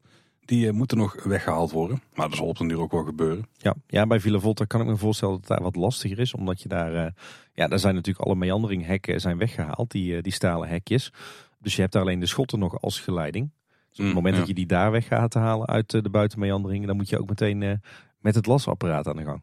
Dan blijft er weinig over, ja. ja. In de voorshow zijn overigens al die schermen weg. Ja, en ze hebben daar ook netjes alle gaten die ze hadden geboord in, in de tegenvloer hebben ze dichtgemaakt. En ook de houten banken in de hoofdshow die zijn weer uh, terug in oude staat hersteld. Um, ze hebben overigens uh, de kuchschotten nog niet meteen afgevoerd. Zo lijkt het, want we zagen berichten voorbij komen dat uh, ze vooralsnog opgeslagen staan op de Oude Horst. Die natuurlijk niet meer in gebruik is als, als weg. En bij Droomvlucht zouden de kuchschotten zijn opgeslagen op de vloer bij Hemelburgte. En die zou je vrij goed kunnen zien als je daar door de scène heen zweeft. heb ik dat zelf nog niet kunnen, kunnen zien. Ik heb het ook nog niet eh, gezien. Op foto's niet, maar ook niet in echt. Nou, nog even wat, wat andere maatregelen of aanpassingen van eh, de afgelopen tijd. Wat interessant is, is dat bij eh, Fabula heb je natuurlijk de speelwereld. Hè? als je de, de filmzaal verlaat, dan kom je in een soort binnenspeeltuin wat gecombineerd is met horeca. Dat is een beetje lastig momenteel, want voor het, het restaurant heb je een coronabewijs nodig. Maar niet voor de film en op zich ook niet om daar in die speeltuin te spelen. wat hebben ze nu gedaan, is dat ze dwars door de speelwereld hebben ze eigenlijk een hek opgetrokken. Uh, waarbij de ene helft is openbaar toegankelijk als uitgang vanuit uh, de filmzaal. En uh, er zijn wat speeltoestellen te gebruiken. En de andere helft maakt onderdeel uit van het restaurant. En daar staan uh, tafeltjes en stoeltjes. En uh, daar kun je zeg maar ook spelen in speeltoestellen aan die kant van de zaal. Dus dat is een hele logistieke operatie. En schijnbaar vindt men dat ook wat lastig. Uh, want afgelopen week viel mij op dat, dat ze nu maar in het restaurant de werkverlichting aan hebben gezet. Hm. En dat maakt het wel wat, wat makkelijker zichtbaar allemaal. Maar de sfeer is natuurlijk ver weg. ja, inderdaad. Maar dan verblinden ze misschien wel zo wacht dat je het plafond helemaal niet meer ziet. Mm, nou, dat kan ik hier niet zeggen. Bij Ravelijn zien we nog steeds de aangepaste korte show. Dus niet die uh, uitgebreide show. Met de instructie van de ruiters en uh, Draconicon die wel weer tot leven wordt gewekt. Ik denk dat ze gewoon wachten tot uh, Ravelijn dicht gaat voor de winter. En dat ze daarna dan weer alles gereed gaan maken voor de originele show. Want het is ook niet iets wat ze in een dag kunnen omdraaien. Omdat dat nee. wijzigingen ook in het decor zijn. Mag ik een bijzondere mening uiten, Paul? Deze mogen ze houden en de oude mogen ze weglaten? Wat mij betreft wel. Ja? Ik vind dit qua, qua storytelling, qua dialogen, qua logica, qua begrijpelijkheid vind ik dit de beste Ravelijn show tot nu toe. Ja, qua spektakelwaarde is hij minder. En ik denk dat ze daar wel graag om willen doen. Maar je hebt wel gelijk, ja. Qua... Deze show klopt gewoon van begin tot eind. Het is voor iedereen te volgen. Er wordt lekker veel gepraat. De, je, je bouwt meer een band op met, uh, met de mensen in de arena dan in de andere shows. Ja, hij is wat korter, maar er wordt wel gestund met paarden. Er wordt gevochten, er komt het vuur in voor. Ik vind dit de beste Ravelijn show tot nu toe. Nou, als ze de spektakelwaarde ook nog weten op te krikken, dan komt het misschien helemaal goed. Nou, misschien dat ze hier gewoon een, een geïnspireerd op deze versie gewoon een iets langere versie moeten maken. Maar wat mij betreft is dit de kant die ze op moeten hoor met Ravelijn. Ja, en op zich kan het ook wel, want er zitten wel gevechten in. Dus als ze, die dan, ja. uh, als ze daar dan wat van de oude stunts voor in doen, op plekken die passen, nou, ja. potentie. Ja. Ik vind het wel grappig, de, de kids die zijn ook helemaal fan van deze nieuwe versie. Ik denk dat die ook leuker is voor kinderen. Uh, en naar aanleiding daarvan zijn we begonnen met het opnieuw bekijken van uh, de tv-serie Ravelijn. Uh, die hebben we natuurlijk ook al uitgebreid besproken in de afleveringen met Bjorn Bouwers. maar die staat gewoon integraal op, op het YouTube-kanaal van de Efteling. En ik moet zeggen, dat is stiekem toch wel een hele toffe serie om te kijken hoor. Ook voor ons als volwassenen. Productietechnisch zit ook echt heel goed in elkaar. Ja. Ja, ja, en je begrijpt daarna ook veel meer van die show. En daar kan geen kwaad. Nee. En verder hebben we ook geleerd dat het contract met de Puy de Fou en de Efteling is verlengd tot 2026. Dus Ravelijn gaat niet zomaar verdwijnen. Kijk, daar kunnen we nog lang van genieten. Hebben ze niet voor niks daar die uh, paardenstallen gebouwd, hè? en nogal dure paardenstal, Paul. Ik bedoel die op parkeerterrein en niet uh, die onder de tribunes. Ah. Ja, ja. Ik dacht dat je het gewoon over het hele kantoorcomplex had. als je alleen als paardenstal ziet, dan was het een vrij prijzig. De duurste van uh, de wereld, vermoed ik. En vonden ze dan het beste paard van stal. Oké, okay, dan moeten we gaan verder. Ja. Hey, er zijn weer meet and greet met Pardoes bij Symbolica.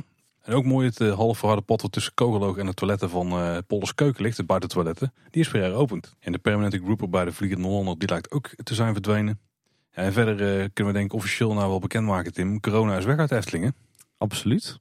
Ja, de Efteling pakt flink door. Ja, ja want de coronabar bij het Piranhaplein die is afgeboerd. Die staat niet meer in de Efteling. Nee, ik fietste van de week langs, langs de Efteling. Dat doe ik soms voor ontspanning. En toen kwam ik hem tegen op het, het Lemterrein het uh, logistiek evenementenmagazijn terrein voor uh, wie wat minder ingevoerd is. Dus ik ben benieuwd of dat hij echt uh, richting de stort gaat of dat hij daar even tijdelijk staat. Ja, als laatste, volgens mij vonden wij het goed vreemd dat het was verdwenen überhaupt. Maar terras op de Harthof, dus de rondeplein naast Symbolica, die lijkt weer terug te zijn. Ja. Maar dit keer met de bekende stoelen. Ja, dat zijn die, ja, volgens mij zijn dat de stoelen van het terras van Panorama. Kan dat? Met die verschillende, ja, enigszins pastel tint, rood, geel en blauw. Ik heb ze zelfs nog niet gezien, maar daar klinkt wel als wat uh, bij het terras van Panorama te zien. Ja. Misschien een uh, tijdelijke oplossing dan of zo. Ja, nou in ieder geval veel veranderd in het park. Maar er gaan nog meer veranderingen in het park aankomen. Want de besmettingscijfers die lopen weer op. Ja. Dinsdag 2 november was er een persconferentie. Toen zijn er nieuwe maatregelen aangekondigd door de overheid. En voor doorstroomlocaties betekende dat het coronabewijs binnenkort verplicht is. En daar leek de Efteling natuurlijk in eerste instantie ook onder te vallen. Maar vreemd genoeg is dat niet het geval. Want juridisch kan op dit moment nog niet. Waarbij moet er nog een wetswijziging plaatsvinden waardoor het ook bij ja, locaties als de Efteling kan. Wat dan precies het verschil is tussen die andere, weet ik niet precies. Misschien de, de grootte of gewoon het, feit dat het themaparken niet worden genoemd of pretparken. Ja, zou ook, voor, uh, zou ook het probleem zijn bij dierentuinen. Maar we konden het in ieder geval voor nu praktisch op neer. Je hoeft in eerste instantie, dus vanaf 6 november, geen corona toegangsbewijs te laten zien bij de Efteling. Maar de mondkapjesplicht die gaat wel gelden. Dat betekent niet dat het coronabewijs voor de Efteling helemaal nooit gaat komen. Uh, het volgt waarschijnlijk later. En Thomas van Groningen, natuurlijk uh, een van de mannen van de Teamtalk, maar ook uh, politiek verslaggever, die weet nog te vertellen dat voor het uitbreiden van het corona-toegangsbewijs naar pretparken en dierentuinen echt een wetswijziging nodig is. De sector wordt namelijk niet genoemd in de wet die de QR-code regelt. Dus het is gewoon echt een letterlijk naamgevingsdingetje. Ja, en naar verluid wordt op 12 november een besluit genomen over het, eh, het al dan niet eh, eisen van zo'n corona-toegangsbewijs. Of coronabewijs uh, voor pretparken en dierentuinen. In eerste instantie leek het er dus op dat, dat er een coronabewijs nodig was om de Efteling binnen te komen. Het Brabants Dagblad had een gesprek met een woordvoerder van de Efteling, met onze Steven trouwens, zie ik nu. En wat, wat, wat de Efteling daarin aangeeft is dat, dat ze stevig balen van het feit dat, dat je een corona-toegangspas zou moeten laten zien op het moment dat je de Efteling eh, binnen zou willen gaan. Omdat de Efteling er voor iedereen is.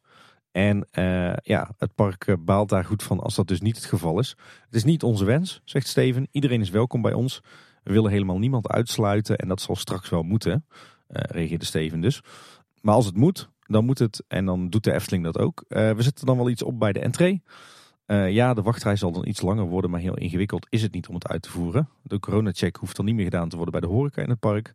En dat scheelt dan weer wat, zegt de woordvoerder. Maar goed, die woorden van de Efteling die gaan voorlopig dus de ijskast in. Want het coronatoegangsbewijs is dus voorlopig nog niet nodig. En de vraag is of dat nog gaat veranderen. Inmiddels heeft de Efteling wel bekendgemaakt wat dus op dit moment geldt. Want deze aflevering komt natuurlijk uit op maandag, maar deze regels zijn afgelopen zaterdag ingegaan. De mondkapjesplicht die gaat namelijk gelden voor alle binnenlocaties binnen de wereld van de Efteling waar geen coronatoegangsbewijs nodig is. Dat is een belangrijke. Dus als je ergens binnenkomt en je hebt daarvoor een QR-code moet laten scannen, dan hoef je dus geen mondkapje op zodra je voorbij die check bent. Maar op andere plekken wel. Uh, het geldt voor iedereen vanaf 13 jaar. En dan moet je denken aan uh, uh, wachtrijen die binnen zijn. horeca afhaallocaties binnen. Dus ook als je binnen alleen wat gaat afhalen moet je mondkapje op. Zoals bijvoorbeeld bij Vrouw Bolt's Kuchen en de souvenirswinkels. Nou, tot voor kort was het altijd zo. Ga je binnen een restaurant eten, dan moet je daar je corona toegangsbewijs laten zien.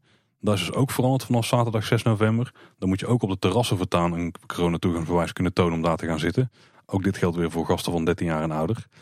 Als je nou naar het badhuis wil op Bosrijk, omdat je daar verblijft, dan moet je ook daar een corona-toegangsbewijs laten zien. Ja, en uh, wel even een geruststelling voor, uh, voor ons abonnementhouders. Want het blijft zo dat je alleen als je betalende gast bent nog een reservering moet maken. Ben je abonnementhouder of ben je verblijfsgast, dan hoef je niet te reserveren om het, het park binnen te kunnen. Dus gelukkig wordt dat niet aangepast. En voor de mensen die dus met een entreebewijs naar binnen willen, je moet dus en een entreebuis hebben en een reservering. En een reservering kan op dit moment tot 9 januari 2022. Ja, en dat is uh, gek genoeg niet het einde van de winter Efteling. Hè? Dat valt al eerder. 9 januari is uh, het einde van de kerstvakantie. Ja, misschien gaan ze toch uit van op een gegeven moment weer versoepeling en plannen ze niet te ver vooruit iedere ja. keer. En stellen ze die vakken gewoon uh, nou, open. Ik neem aan dat we in de loop van december, begin, misschien zelfs daarvoor al wel, weer een, een volgend setje reserveringsblokken open zien gestaan. Want ik ben bang dat er dan nog niet van die maatregelen af zijn waar nee. we nou in gaan. Wat vinden we ervan? Ja, ik denk een logisch gevolg van de situatie nu. En ik denk dat voor de Efteling het uh, vrij gunstig uitpakt. We kunnen natuurlijk een hele politieke discussie gaan houden of dat die maatregelen voldoende zijn om alles terug te dringen. Ik hoop het wel. Ik denk het wel. Ik denk dat wel weer een kleine gedragsverandering komt bij mensen uh, door deze situatie. Dus dat zal wel helpen. Uh, en ik denk dat voor de Efteling eigenlijk best prima is. Ja, nou, ik moet zeggen, ik ben vooral heel blij dat al die kuchschotten weg zijn uit het park. Dus ik hoop ook echt dat die anderhalve meter afstandverplichting niet meer terugkeert. Niet dat straks al die kuchschotten weer terug opnieuw het park in moeten. Dat zou ik echt verschrikkelijk vinden. Ja, zeg nou die anderhalve meter is wel een interessante, want dat advies is wel weer teruggekomen. Ja, het is nou alleen een advies hè.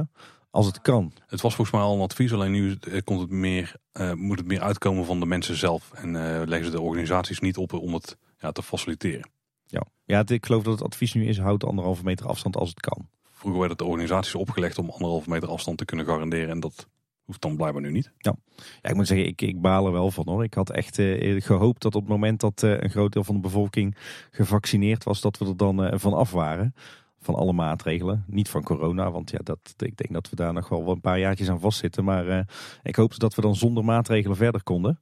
Een beetje de Zweedse methode, zoals ik vorige week in Stockholm ervaren heb. Daar hebben ze gewoon gezegd, iedereen die wil is gevaccineerd en nu laten we alle maatregelen los. En we zien wel. Nou, op zich is dat een uh, aanpak waar ik mezelf wel bij thuis voel. Maar uh, ja, dat is helaas niet de praktijk. En we zullen ons uh, natuurlijk weer moeten gaan houden aan de nieuwe regels. Maar ik ben het wel met je eens. Voor de Efteling pakt dit nu vooralsnog niet verkeerd uit. Die mondkapjesplicht, daar heeft niemand last van. En als we straks overgaan naar een, een situatie waarin het coronatoegangsbewijs noodzakelijk is om het park binnen te kunnen. ja, dan heb ik daar zelf ook zeker geen last van dan is het wat mij betreft een, een, een redelijk ideale situatie. Omdat je dan natuurlijk verder in het park totaal geen maatregelen meer hebt. En dat is toch eigenlijk hoe we de Efteling willen bezoeken. Ja, en in principe kan iedereen een geldige QR-code krijgen. Als je niet gevaccineerd bent kun je je laten testen. En Ja. voor een complete dag Efteling dan kan ik me voorstellen dat je die dat je het iets sneller doet. Ook al was die bereidheid een stuk minder toen ze die test gingen doen. Ja, de wereld ziet er nu inmiddels ook weer anders uit. Hè? Het is misschien voor abonnementhouders zonder vaccinatie of herstelbewijs. ja, is het wel wel lastiger. Dat kan ik me wel voorstellen. Ja, ik kan me voorstellen dat je niet voor twee uurtjes Efteling zo'n eh Nee, zo'n wat staaf staaf. in je neus eh, laat dragen. Nee. Een van onze redactieleden merkte al op dat eh, dat ook de reden was dat er geen coronateststraat bij de ingang van de Efteling komt. Want je moet er toch niet aan denken dat sloopbedrijf Gubbels de coronatesten gaat uitvoeren. Ja. Met de Kango. Bijvoorbeeld, die ramt er wel even in. Overigens nog, nog een leuke side note. Eh, onze burgemeester, Hanne van Aert, die heeft een eh, hele mooie open brief geschreven aan eh, alle inwoners van onze gemeente over de huidige situatie en dan met name de polarisering in de maatschappij. En ik denk dat, dat die toch ook wel een klein beetje bedoeld is voor alle Efteling-bezoekers. Dus ga die zeker eens lezen. We zullen een link naar de website van de gemeente Loon op in onze show notes opnemen. Nu weer het grote moment Tim dat de fles schrobbel er op tafel kan komen. Dus vat hem maar vast. We gaan door naar het onderhoud. Ja, laten we beginnen met een kleine update vanuit de Efteling zelf. Dankzij Loopings trouwens. Eh het gaat over de diverse defecte projecties in het eh, park. Daar hebben we natuurlijk de afgelopen nieuwsafleveringen geregeld over gehad. En de Efteling eh, zegt daar zelf over. Door de financiële situatie tijdens de coronacrisis zijn we financieel terughoudend geweest. We hebben vrijwel geen geld uitgegeven en alleen onderhoud uitgevoerd dat noodzakelijk was voor de veiligheid. Kapotte projectoren hebben dan geen prioriteit. Nu het steeds een beetje beter gaat, hopen we dat we snel weer al het onderhoud kunnen gaan oppakken. Daarin zijn we ook afhankelijk van leveringen en diensten van externe partijen. Hmm. Dus ja, dat juridische conflict waar we eerder geruchten van hadden opgevangen, dat is dus eh, wellicht niet waar. Alhoewel, ze hint hier natuurlijk ook zelf wel dat ze afhankelijk zijn van leveringen en diensten van externe partijen. Dus misschien zit daar toch wel een kern van waarheid in. Maar het is, het is primair dus vooral een bezuinigingsactie geweest, of nog steeds, dat eh, er zoveel projecties in de Efteling kapot zijn. Ik denk weet je trouwens dat luisteraars van Kleine Boodschap niet de enige zijn die het heel erg kunnen waarderen als mensen heel diep ingaan op eh, het onderhoud in de Efteling. Leg uit. Nou, Niels Kooijman, dat is eh, en natuurlijk een van onze hofleveranciers hè, qua informatie uit het park. Ja, hij stuurt tegenwoordig hele lijsten naar ons toe. Ja. Waarvoor dank, eh, Niels. Maar die, die vlogt ook volop in de Efteling en die let daarbij ook op alle kleinste details. En die was daardoor, of tenminste mede daardoor, door de fascinatie die een van de 3FM-DJ's ervoor had gekregen, uitgenodigd om daar zo over te gaan vertellen in een van de 3FM-shows. Dan zullen we het linkje in de show notes zetten en daar... eh, ah, dat, dat, we zaten net te kijken samen. Ik denk dat je eh, sommige delen van zijn vlogs wel kunt omschrijven als een beetje de videoversie van Kleine Boodschap. Ik denk dat we wat dat betreft prima naast elkaar kunnen bestaan, ja. Zeker. Nee, tof. Eh, en Niels, ook bedankt voor al je, je, je tips en je input voor dit onderhoudsblokje natuurlijk. Hey, laten we beginnen aan het, het onderhoudsrondje door het park. Dan beginnen we natuurlijk in Fantasierijk. En daar hebben we meteen een enorme onderhoudsbeurt te pakken. Namelijk het groot onderhoud voor het Huis van de Vijf Zintuigen, kan je wel zeggen. Ja. Eh, daar gebeurt een heleboel. Eh, wat hebben we de afgelopen weken zo al gezien? Eh, werkzaamheden aan de vogelwering in de nok van het Huis van de Vijf Zintuigen. Met hoogwerkers. Maar ook een hoop schilderwerk. Volgens mij hebben ze letterlijk alle houten onderdelen van het Huis van de Vijf Zintuigen onder handen genomen. Zoals alle kozijnen. En die zitten er stiekem nogal veel, zeker in die achterste punt. Maar ook bijvoorbeeld de ventilatieroosters, alle deuren, alle boeiborden. Allemaal weer strak in de lak. Daarvoor eh, werden onder andere een hoop hoogwerkers ingezet. En er werden ook telkens gedeeltes van het Huis van de Vijf Zintuigen afgezet. En de afgelopen weken hebben ze zelfs het huis in tweeën gesplitst. Waarbij ze eerst, als je het van de voorkant eh, bekijkt, de hele linkerkant van het Huis van de Vijf Zintuigen volledig in de hekken hebben gezet. En inmiddels staat de rechterkant eh, in de hekken. Daarvoor hebben ze in eerste instantie de gastenservice moeten verhuizen. Die zat tijdelijk in kassa 18 en 19, zeg maar de evenementenkassa's. Eh, die kunnen weer terug naar de oude plek. Eh, en maar nu hebben ze een tijdelijke toiletgroep neergezet op het, eh, het parkeerterrein op de korte kant, vlakbij die nieuwe bouwplaats. Omdat natuurlijk aan de rechterzijde de toiletgroep zit en die zit nu achter de hekken. En wat verder nog opviel is dat er gevlogen wordt met een drone. Waarschijnlijk om een onderhoudsinspectie te doen vanuit de lucht, wellicht aan de Rietenkap. Maar het zou ook kunnen dat ze het Huis van de Vijf Zintuigen digitaal aan het inmeten zijn.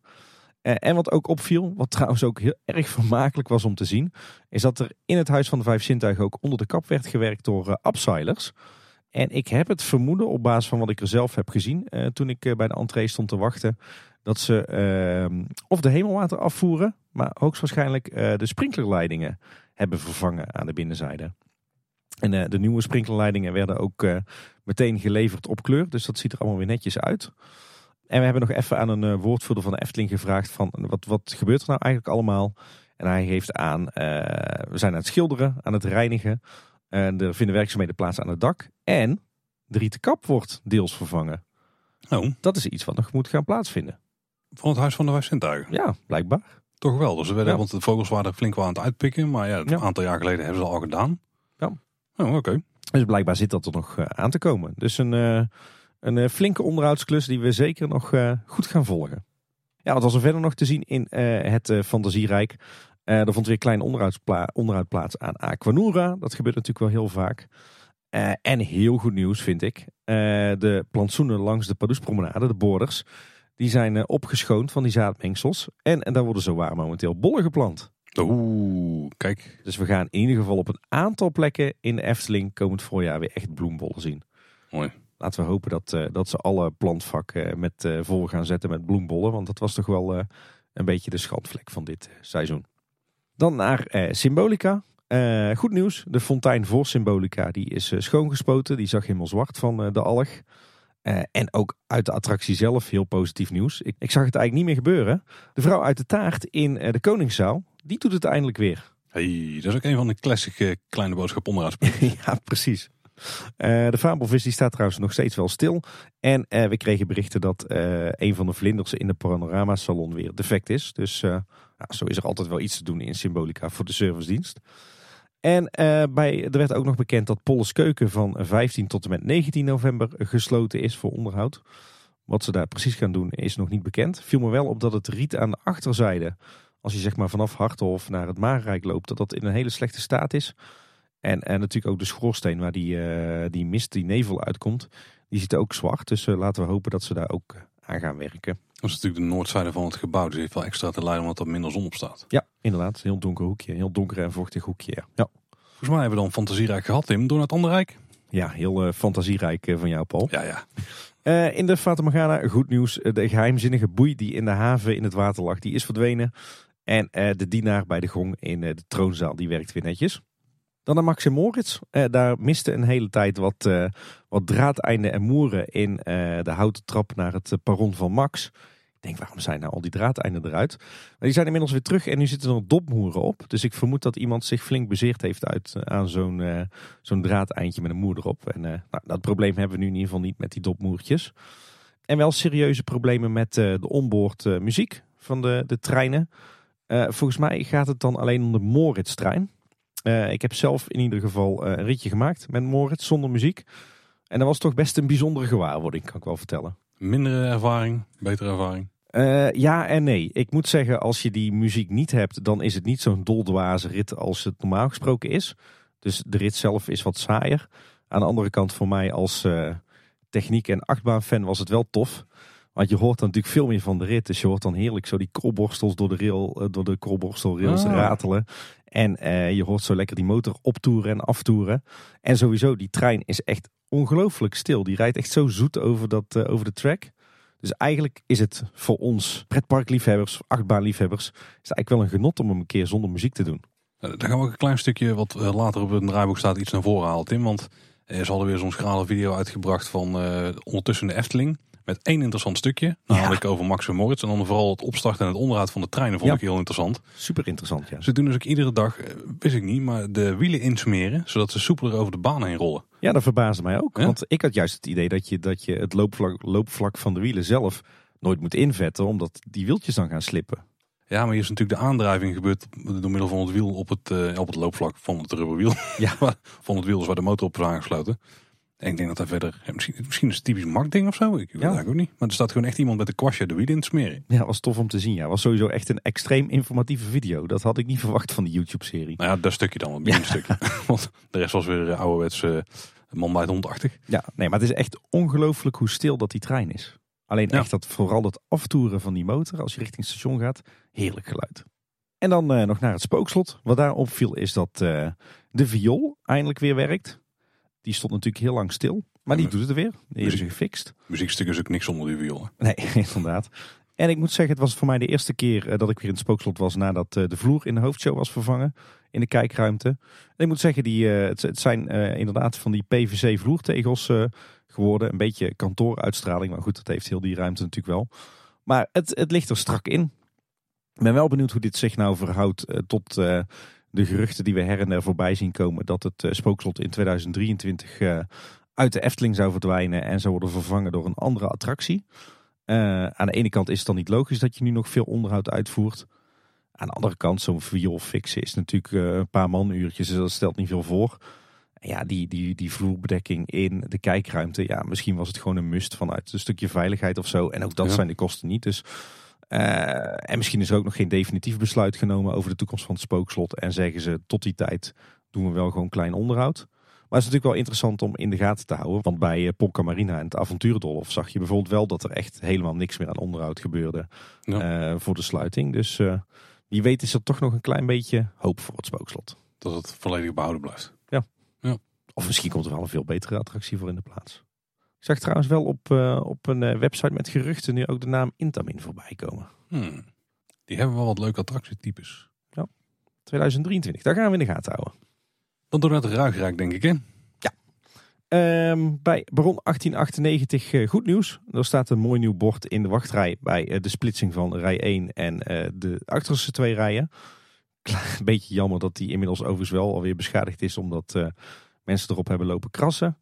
Eh, en de vorige keer berichten we dat er eh, één projector eh, in de show voor de lift, zeg maar de pre-show, ook defect was. Maar die is inmiddels wel gefixt. En volgens mij was er nog een ander bord weggehaald. Want in een van de plantsoenen er stond een bord van DJ Hartwell. Die had de attractie mee geopend. Hè. Die had zijn handen daar op het bord gezet. Volgens mij is dat bord ook verwijderd. Volgens mij ook, ja.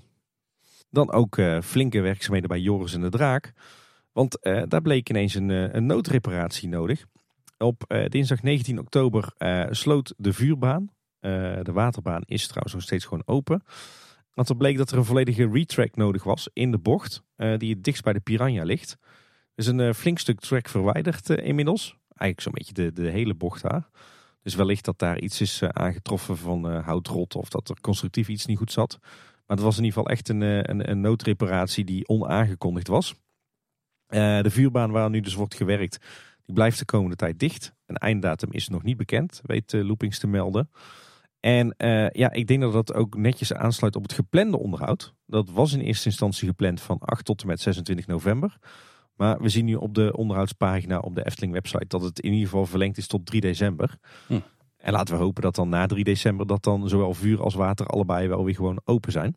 Dus in ieder geval dan uh, een kleine vier weken om uh, aan de hele baan te werken. Ja.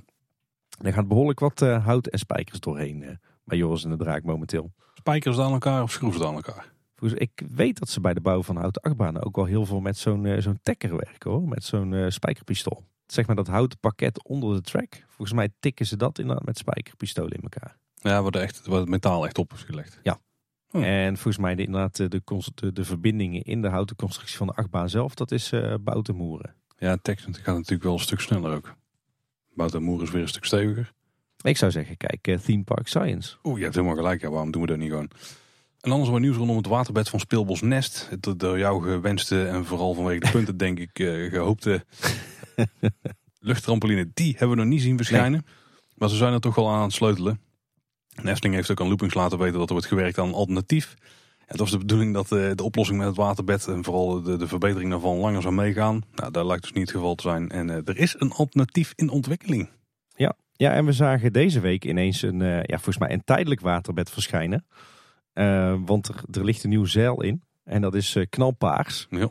Dus ik, te, ja, ik neem aan dat dit een tijdelijke oplossing is, toch? Ja, nee, dit moet tijdelijk zijn. Er ziet er zelfs een, een nest waar het toch vrij bont is, ziet het er echt niet uit. Nee. Overigens kreeg ik ook nog foto's doorgestuurd van die kanonskogels die in dat gedeelte van Nest liggen waar, waar dat speelschip ligt. Met het thema Vliegende Hollander. Nou, dat zijn uh, betonnen ballen die zijn zwart gecoat, maar die coating die is ook al uh, ver heen, zeg maar. Maar waar maken ze het niet van rubber? Want zwart rubber, of in ieder geval met een zwarte rubber laag eromheen, gevulkaniseerd of hoe dan ook. Dat zou dat ook gewoon moeten kunnen. Dan heb je daar in ieder geval geen last van. Ja, en zoiets veiliger ook. Ja. En nog twee kleine puntjes. Uh, nieuw op de onderhoudsplanning is een onderhoudsbeurtje voor de Python. Die is van 7 tot en met 9 december gesloten. En uh, er was deze week ineens een uh, nieuw effect in de encounter scène van de Vliegende Hollander. Vlak voordat je het grote spookschip ziet. Een heel vet bliksemeffect. Wat schijnbaar met de twee moving heads gemaakt wordt. Ik weet niet waarom het dan per se moving heads moeten zijn, maar ja, klinkt cool. Ik heb er niks van gezien, hè wel? Ik heb er een filmpje van gezien op Twitter. Goed. Ziet er tof uit. Het, ik moest wel meteen ook denken aan Sirocco. Zou dit niet gewoon een testje zijn voor het stormeffect bij Sirocco? Ja, dit is wel helemaal donker en natuurlijk gecontroleerd. En dat kan bij Sirocco niet. Zou het gewoon uh, een, een, bestelling met kwantumkorting zijn? Nee, ik denk dat we bij Sirocco echt wel die Gobo uh, lampen dat we daarvan moeten gaan hebben. Ruigrijk gehad in? Ja. Door naar uh, het reisrijk. Problemen bij de gondoletta, technische problemen. de attractie is ongeveer twee weken dicht geweest de afgelopen tijd. Jammer voor jou, Paul, want hoe lang moest je voor de glazen bol ook alweer een grote attractie dicht hebben? Drie weken. Ah, net niet. Ja. Uh, wat was er aan de hand? Uh, uiteindelijk bleek dat er een onderdeel van een van de draaischijven onder water vervangen moest worden. Het is niet die grote draaischijf waar je opstapt als je in een, uh, in een bootje wil, maar zo'n draaischijf onder water waar de staalkabel langs loopt. en dat onderdeel bleek niet op voorraad te zijn.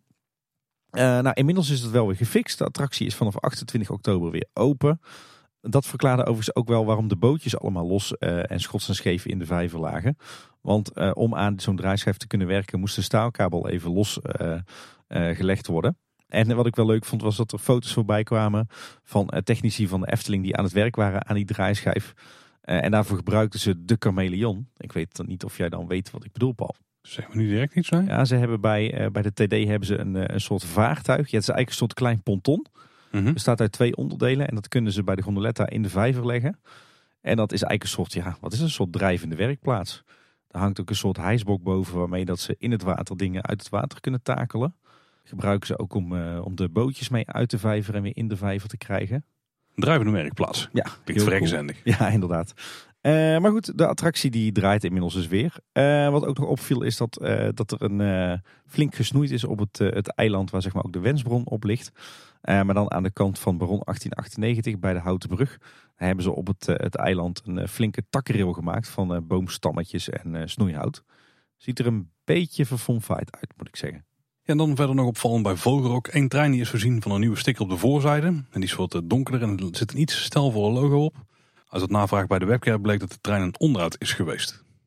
volgens mij hebben we daarmee het reisrijk gehad in. Jazeker, en dan gaan we naar het Marenrijk waar ook nog steeds heel wat gebeurt aan onderhoud. Uh, wat kleine puntjes. Bij Villa Volta viel op dat het, uh, het bord bij de entree opnieuw geschilderd en gedecoreerd is. Bij Zwaankleef aan, het kleine huisje achter het poffertje, daar is eh, de wijzerplaat eh, verdwenen achter het glas. Dus eh, laten we hopen dat die ook gerestaureerd wordt. een aantal luisteraars die kwamen nog op de proppen met het feit dat het ballonnenvrouwtje, wat bij de marskramer staat, er wel heel slecht aan toe is. En dat is ook zo, die is echt helemaal afgebladderd en zelfs het polyester begint daar beschadigd te raken. Dus daar moeten ze misschien ook wat, wat zorg aan besteden. En nog wat nieuws van de onderhoudskalender. Want Droomvlucht is deze week in onderhoud geweest van 1 tot en met 5 november. Wat er precies is gebeurd weten we nog niet. Waarschijnlijk wat, wat kleine schoonmaakwerkzaamheden en misschien wat onderhoud aan de installatie. wat de luisteraar wel nog opviel is dat de dansende bosgeestjes, links onderin bij het Wonderwoud, inmiddels weer, weer werken. Die dansen weer rond. Alleen is er één bosgeestje wat wel heel vervaarlijk achterover hangt. Dus daar moeten ze nog even naar kijken. Een limbo dans denk ik. Zo zag het er wel uit ja. Dan naar het, eh, het Lavelaar. Er wordt nog steeds hard gewerkt aan het Lonkhuis, waar eh, heel veel houtwerk vervangen wordt. Eh, en niet alleen daar, want er is ook weer een nieuw onderhoudsprojectje gestart. en dat betreft de winkel Spiegeltje Spiegeltje. Oftewel wat wij allemaal nog kennen als de Loutiek. Het hele gebouw staat inmiddels in de stijgers. daarbij is de grote piron in het midden verwijderd. Zeg maar die enorme punt. En eh, inmiddels zijn ze druk bezig om alle dakleidjes te verwijderen. Die worden tijdelijk opgeslagen. En het lijkt erop dat ze ook hier alle houten panlatten gaan vervangen. Net zoals bij eh, het Lonkhuis het geval is. Dus ook hier zal wel iets eh, aan de hand zijn met, met houtrot of met, met houtwormen of iets dergelijks. Hm. Dan naar het Sprookjesbos, daar is ook weer het een en ander gebeurd. Diverse bomen zijn gemarkeerd met rood-wit lint. Mogelijk voor wat, wat snoeiwerk, wat nog moet gebeuren. bij Pinocchio, goed nieuws. Eh, de dansende muisjes in de werkplaats van Geppetto, die werken eindelijk weer. En bij de monstervis uh, werkt nu ook het watereffect uit het, het, luchtgat van de vis weer. Dus dat spuit weer omhoog. En de vislucht is weer terug. Enige puntje van aandacht is nog dat twee van de lampjes die op de kop van, aan de kop van de vis hangen, dat die het effect zijn. Dan bij het draaklicht geraakt is de deksel van de schatkist weer terug. Opnieuw geschilderd en wel. Maar eh, daar hebben ze ook problemen met de audio, want die is daar volledig in de soep gedraaid. Dat draait van alles dom elkaar en dan weer niet en op het verkeerde moment. En daar gaat iets helemaal mis eh, qua audio. Uh, goed nieuws aan het Herautenplein, want uh, de coniferahaag die de zes zwanen afscheiden van het plein, die was natuurlijk al een tijdje zo goed als dood. En die is inmiddels volledig weggehaald. En wat mij betreft houden ze dat zo, want ja, een coniferahaag, kom op jongens. Nou, ze moeten één stukje wel een beetje opknappen. Want als je nu naar de Zes Zwanen loopt, dan, dan loop je langs de, de grot van Sneeuwwitje af. En dan maak je eerst zo'n draai uiteindelijk naar links. En die bocht, ja, die, dan kun je nu eigenlijk met één stap kun je nu uh, op het Ruitenplein stappen. Terwijl er vroeger natuurlijk die heg was die daar een beetje afscheiden. Dus daar moeten ze even iets van hoger groen planten. En dan uh, ah, ziet er eigenlijk niet zo heel verkeerd uit. Nee, helemaal niet. Ik heb überhaupt nooit begrepen waarom daar die haag moest komen te staan. Ja, ik denk om een beetje het gebouwtje van uh, Assepoester te onttrekken daar uit het zicht. Maar ja, kom op. Uiteindelijk zie je het gewoon. Veerhaag, kom op jongens. Dat is wel heel makkelijk. Hè? Ja. ja. Ook een leuk nieuw detail. In het uh, plantsoen voor uh, het, het, landhuis van Assepoester, of ik van de, de stiefmoeder natuurlijk, er zijn een aantal nieuwe lampjes geplaatst met heel mooi flakkerend ledlicht erin. Een beetje vergelijkbaar met het, de, de, de ledkaarsjes, zeg maar, zoals we die zien bij de Zes Zwanen. Ja. Ja, en dan door naar een van de grootste bouw- en onderhoudsprojecten van de afgelopen maanden. De Indische waterlelies. Daar kunnen we van eh, berichten dat het grote onderhoud inmiddels uh, eindelijk is afgerond. Uh, het sprookje zelf was ook nog afgesloten tijdelijk van 18 tot en met 22 oktober. voor onderhoud aan de binnenzijde. Het is eigenlijk nog niet bekend wat er nou precies is gebeurd. Ik moet daar zelf ook nog gaan kijken. Maar ja, het belangrijkste nieuws is toch wel dat op zaterdag 23 oktober het sprookje weer uh, volledig geopend is, inclusief uh, het binnenplein. Nou ja, wat is er allemaal gebeurd? Uh, inmiddels hebben we dat natuurlijk goed in beeld. Al het rotswerk is natuurlijk vernieuwd. Hè? De, de ingangsrots of grot waar je doorheen komt voor je het plein oploopt. En al het rotswerk boven de gaande rij. Ja, ik kan niet anders zeggen dan dat het rotswerk er prachtig uitziet. Daar ben ik het zeker mee eens, ja. Wat heel tof is dat ze ook van die plantjes hebben verwerkt in het rotswerk. In het begin dachten we, dat is een vreemde toevoeging. Maar als je de schetsen van Piek gaat kijken, die heeft dat daar ook al in verwerkt. Dus die inspiratie die zal daar vandaan komen. Ziet er ook heel natuurlijk uit hè? Ja, nou er is wel wat discussie over de rotsen boven de gaande rij. Dat daar een beetje van die hap uit zijn gehaald. Net dat iemand met een hele grote ijsschep daar aan de onderkant uit heeft getrokken. Maar als je wat uh, watererosie hebt, dan kunnen dat soort plekken wel ontstaan. Zeker als water daar tegenaan loopt en van die, gaat kolken, zeg maar. Dan sluit het dat soort vormen wel gewoon uit de rotsen. Het is niet heel vreemd. Maar het zit dan wel iets strakkere vormen dan wat het vroeger was. Maar ja, toen was het ook gewoon uh, wat gaaswerk waar een doek overheen gedrapeerd was. Waar we wel spuitbeton tegenaan hebben gegooid. Of ja. alles toen nog niet eens gesmeerd, denk ik. Ja. Dus dit ziet er wel een stuk, een stuk beter, nou we zeggen gewoon veel beter uit dan uh, wat er voorheen was. Ja, ook heel mooi uh, decoratieschilderwerk, mooi ingeschaduwd. Uh, en we zagen op Twitter ook twee, twee Efteling-liefhebbers die een mooie vergelijking hebben gemaakt tussen uit, oud en nieuw.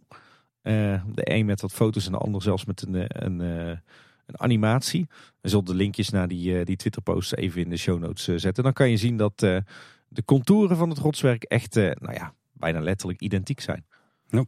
Heel tof, eh, heel tof gedaan. Ja, er is nog veel meer gebeurd. Hè. In uh, de ingangsgrot zijn zowel de dubbele poort als het kleine deurtje helemaal opnieuw uh, geschilderd en van decoratieschilderwerk voorzien. Op die ingangsgrot is ook het vergulde bord met daarop de Indische waterlees als tekst teruggeplaatst. Die is ook helemaal opgeknapt, opnieuw voorzien van bladgoud. Was in eerste instantie heel lelijk opgehangen op die rots. Want ja, die ziet er natuurlijk anders uit dan de rots die er voorheen was. Maar dat eh, hebben ze later wel weer netjes gefatsoeneerd. Verder heb je uh, langs het uh, pad vanaf het Herautenplein ook een, een houten paal staan met daarin een tekstbord. waarin het, het sprookje wordt toegelicht. Nou, dat, die hele houten constructie die is opnieuw gebijtst. Of het bord zelf met die tekst ook opnieuw gedecoreerd is, durf ik niet te zeggen. Dat moet ik nog even gaan kijken. Ja, en een andere highlight natuurlijk is dat alle vloeren op het binnenplein opnieuw zijn aangebracht. Hè? De hele flagstone vloer hebben het natuurlijk al verschillende keren eerder over gehad. Ja, ik kan alleen maar zeggen, als ik nu de foto's en de filmpjes zie, dat het er echt prachtig uitziet. Dit hadden ze echt niet mooier uit kunnen voeren dan hoe ze het nu hebben gedaan. Heel mooi in al die verschillende kleuren en tinten. Uh, netjes gevoegd. Ik zag ook dat ze nu kolkjes hebben aangebracht in die vloeren. Dus dat ziet er allemaal uh, tip-top uit. Dit kan we jaren mee.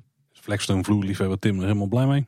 Ik eh, ben hier, word hier heel gelukkig van. Want ik was heel lang bang dat we hier ooit gewoon zo'n standaard terracotta Flagstone vloer gingen krijgen als elders in het, eh, het Sprookjesbos. Maar we hebben nu dus een, eh, een echte hele gemêleerde exotische vloer. Heel tof. Ik denk dat het ook aardig wat knaken gekost heeft hoor. Ons budget goed gespendeerd wat jou betreft denk ik. Zeker. Ik denk dat je daar trouwens ook een aardig huisje van kan kopen. Maar goed, Niet tegen vrouw Holder zeggen dan. hè? oude tot pijn, hè, Paul. Eh, sorry. Door naar de vijver. Die is schoongemaakt en helemaal opnieuw gecoat. De fontein eh, in die vijver is eh, ook helemaal eh, opgeknapt en voorzien van een nieuwe laag bladgoud. Wat ook opvallend was, is dat alle tegels op de vijverrand en op de plantenbakken zijn vernieuwd. Ook trouwens hele mooie tegels in, in gemêleerde kleuren. De verlichting in de plantenbakken, die op de bestrating is gericht, die is volgens mij vernieuwd. Waarmee ze het straatwerk aanlichten, zodat je niet struikelt. En verder is ook al het schilderwerk opnieuw wit getekst op en rond het plein. Dan moet je onder andere, denken, eh, onder andere denken aan de muur rondom het plein en de gaanderij zelf natuurlijk. Eh, de bolletjes die op de kolommen eh, in die muur staan, die zijn ook voorzien van nieuw bladgoud. En volgens mij hebben ze alle houten bankjes ook opnieuw gelakt. Wat ik nog niet zeker weet is of ze de, de borden met de bloemmotieven op die muur rond het plein en de grote deuren met de pauwfiguren opnieuw hebben geschilderd en gedecoreerd. Ik denk het wel, voor zover ik zo kon, kon zien. Alle exotische beplanting is ook weer opnieuw aangebracht. En als ik afga op eh, verschillende foto's en filmpjes, dan lijkt het er ook op dat alle showverlichting is vernieuwd en vervangen door LED. Want het, eh, het eh, plein sprankelt weer van de kleuren bij, in de avond. Ja, ik moet het nog gaan checken in de avond. Maar wat ik op foto's zag, zag er echt heel tof uit. Ja. Ja, dit is echt een, een onderhoudsbeurt om door een ringetje te halen. Dit is echt, hier lik ik mijn vingers bij af. Ja, dan bij eh, het meisje met de zwavelstokjes. Daar eh, kampen ze natuurlijk met heel wat problemen. We hebben er al aardig wat opgesomd eh, de laatste tijd. Maar inmiddels geeft ook de verlichting achter de raampjes in het tafereeltje. Zeg maar in het huisje waar het, waar het meisje voor zit. Daar zijn wat problemen mee, die, die flakkert. Dus ja, dat sprookje heeft echt even wat, wat zorg nodig. Ik zag wel dat het laatste een dagje afgesloten is geweest. Maar ik heb niet de indruk dat ze daarbij heel veel defecten hebben kunnen fixen. Ja, en dan tot slot nog wat onderhoud in de wereld van de Efteling om het park heen. Eh, de slootjes van het eh, klaterwatersysteem in Bosrijk en het Loonse Land, die zijn opgeschoond. Daar is een hoop eh, riet en groen en bagger uitgehaald. En er is enorm veel gebeurd in het eh, Duits bosje. Het bosgebied van de Efteling, zeg maar tussen de fietsenstalling Bosrijk en het Loonse Land. Er zijn enorm veel bomen gekapt de laatste tijd. Met name heel veel jonge boompjes. De, de, de grotere volwassen bomen die zijn allemaal blijven staan. Eh, waardoor het bos nu veel opener is dan ooit. Eh, het lijkt erop dat ze nu ook hier aan het experimenteren zijn met eikenhakhout. Dus dan hakken ze eiken op eh, ongeveer een meter boven de bosbodem om. In de hoop dat je dan vanaf die meter nieuwe scheuten krijgt. En er liggen allerlei takkenrillen in het bos. Dus ja, dat bos dat, is stevig aangepakt. Ik heb aan de Efteling gevraagd, wat is hier gebeurd? Is, is er misschien gekozen voor een andere beheervorm of zo? Of, of een ander soort bos? Eh, maar we kregen als reactie dat het gaat om het uitvoeren van bosonderhoud... voortkomend uit de boomveiligheidscontrole... uitgevoerd in opdracht van de stichting. Dus eh, ja, de VTA-controle zeg maar. En wat verder nog opviel in het eh, Duits bosje... is dat bijna alle verlichting langs het pad echt finaal vernield is. Dus er zijn wat onverlaten in het Duits bosje. Ja, en dan door het inderdaad kort nieuws. Grote Efteling Koekoekshow die heeft ons al eh, regelmatig eh, bezig gehouden. Het is nog steeds een beetje een puzzel van hoe het eh complete geheel in elkaar steekt, verhaal technisch. We, we hebben hem ook nog steeds allebei niet gezien. Hè? Nee, nee de, de, nou, de motivatie ervoor is wat gedaald. Ja. Daar hebben we het over een paar seconden over. Er is wel een video die de Efteling zelf heeft geplaatst die een soort mini-samenvatting van de introductie geeft. Dus nou, ga die checken als je iets meer wil weten wat je daar te wachten staat. Maar er waren ook mensen die waren er niet erg over te spreken. Theaterparadijs.nl heeft namelijk een eh, nogal kritische recensie geplaatst. Ook vrij helder overigens wel van eh, wat er precies gebeurt. En die omschrijven de show als... Misschien is het daarom een voorstelling die aanvoelt als een iets wat overgeproduceerde... creatief luie YouTube show. Vol halfbak ideeën waarvan minstens de helft in een vuilnisbak had moeten belanden. De grote Efteling Koekoekshow voelt immers aan als een anderhalve durende reclamespot voor het park... waar je 20 à 24 euro per persoon van neertelt. En als er één ding is dat de voorstelling dus extra duidelijk maakte... was dat je voor de magie die echt in de wereld vol wonderen hangt... gewoon in kaatsheuvel moet zijn. Want de laatste is nog niet eens zo heel negatief. Wel richting de show, Ja. maar niet over de Efteling.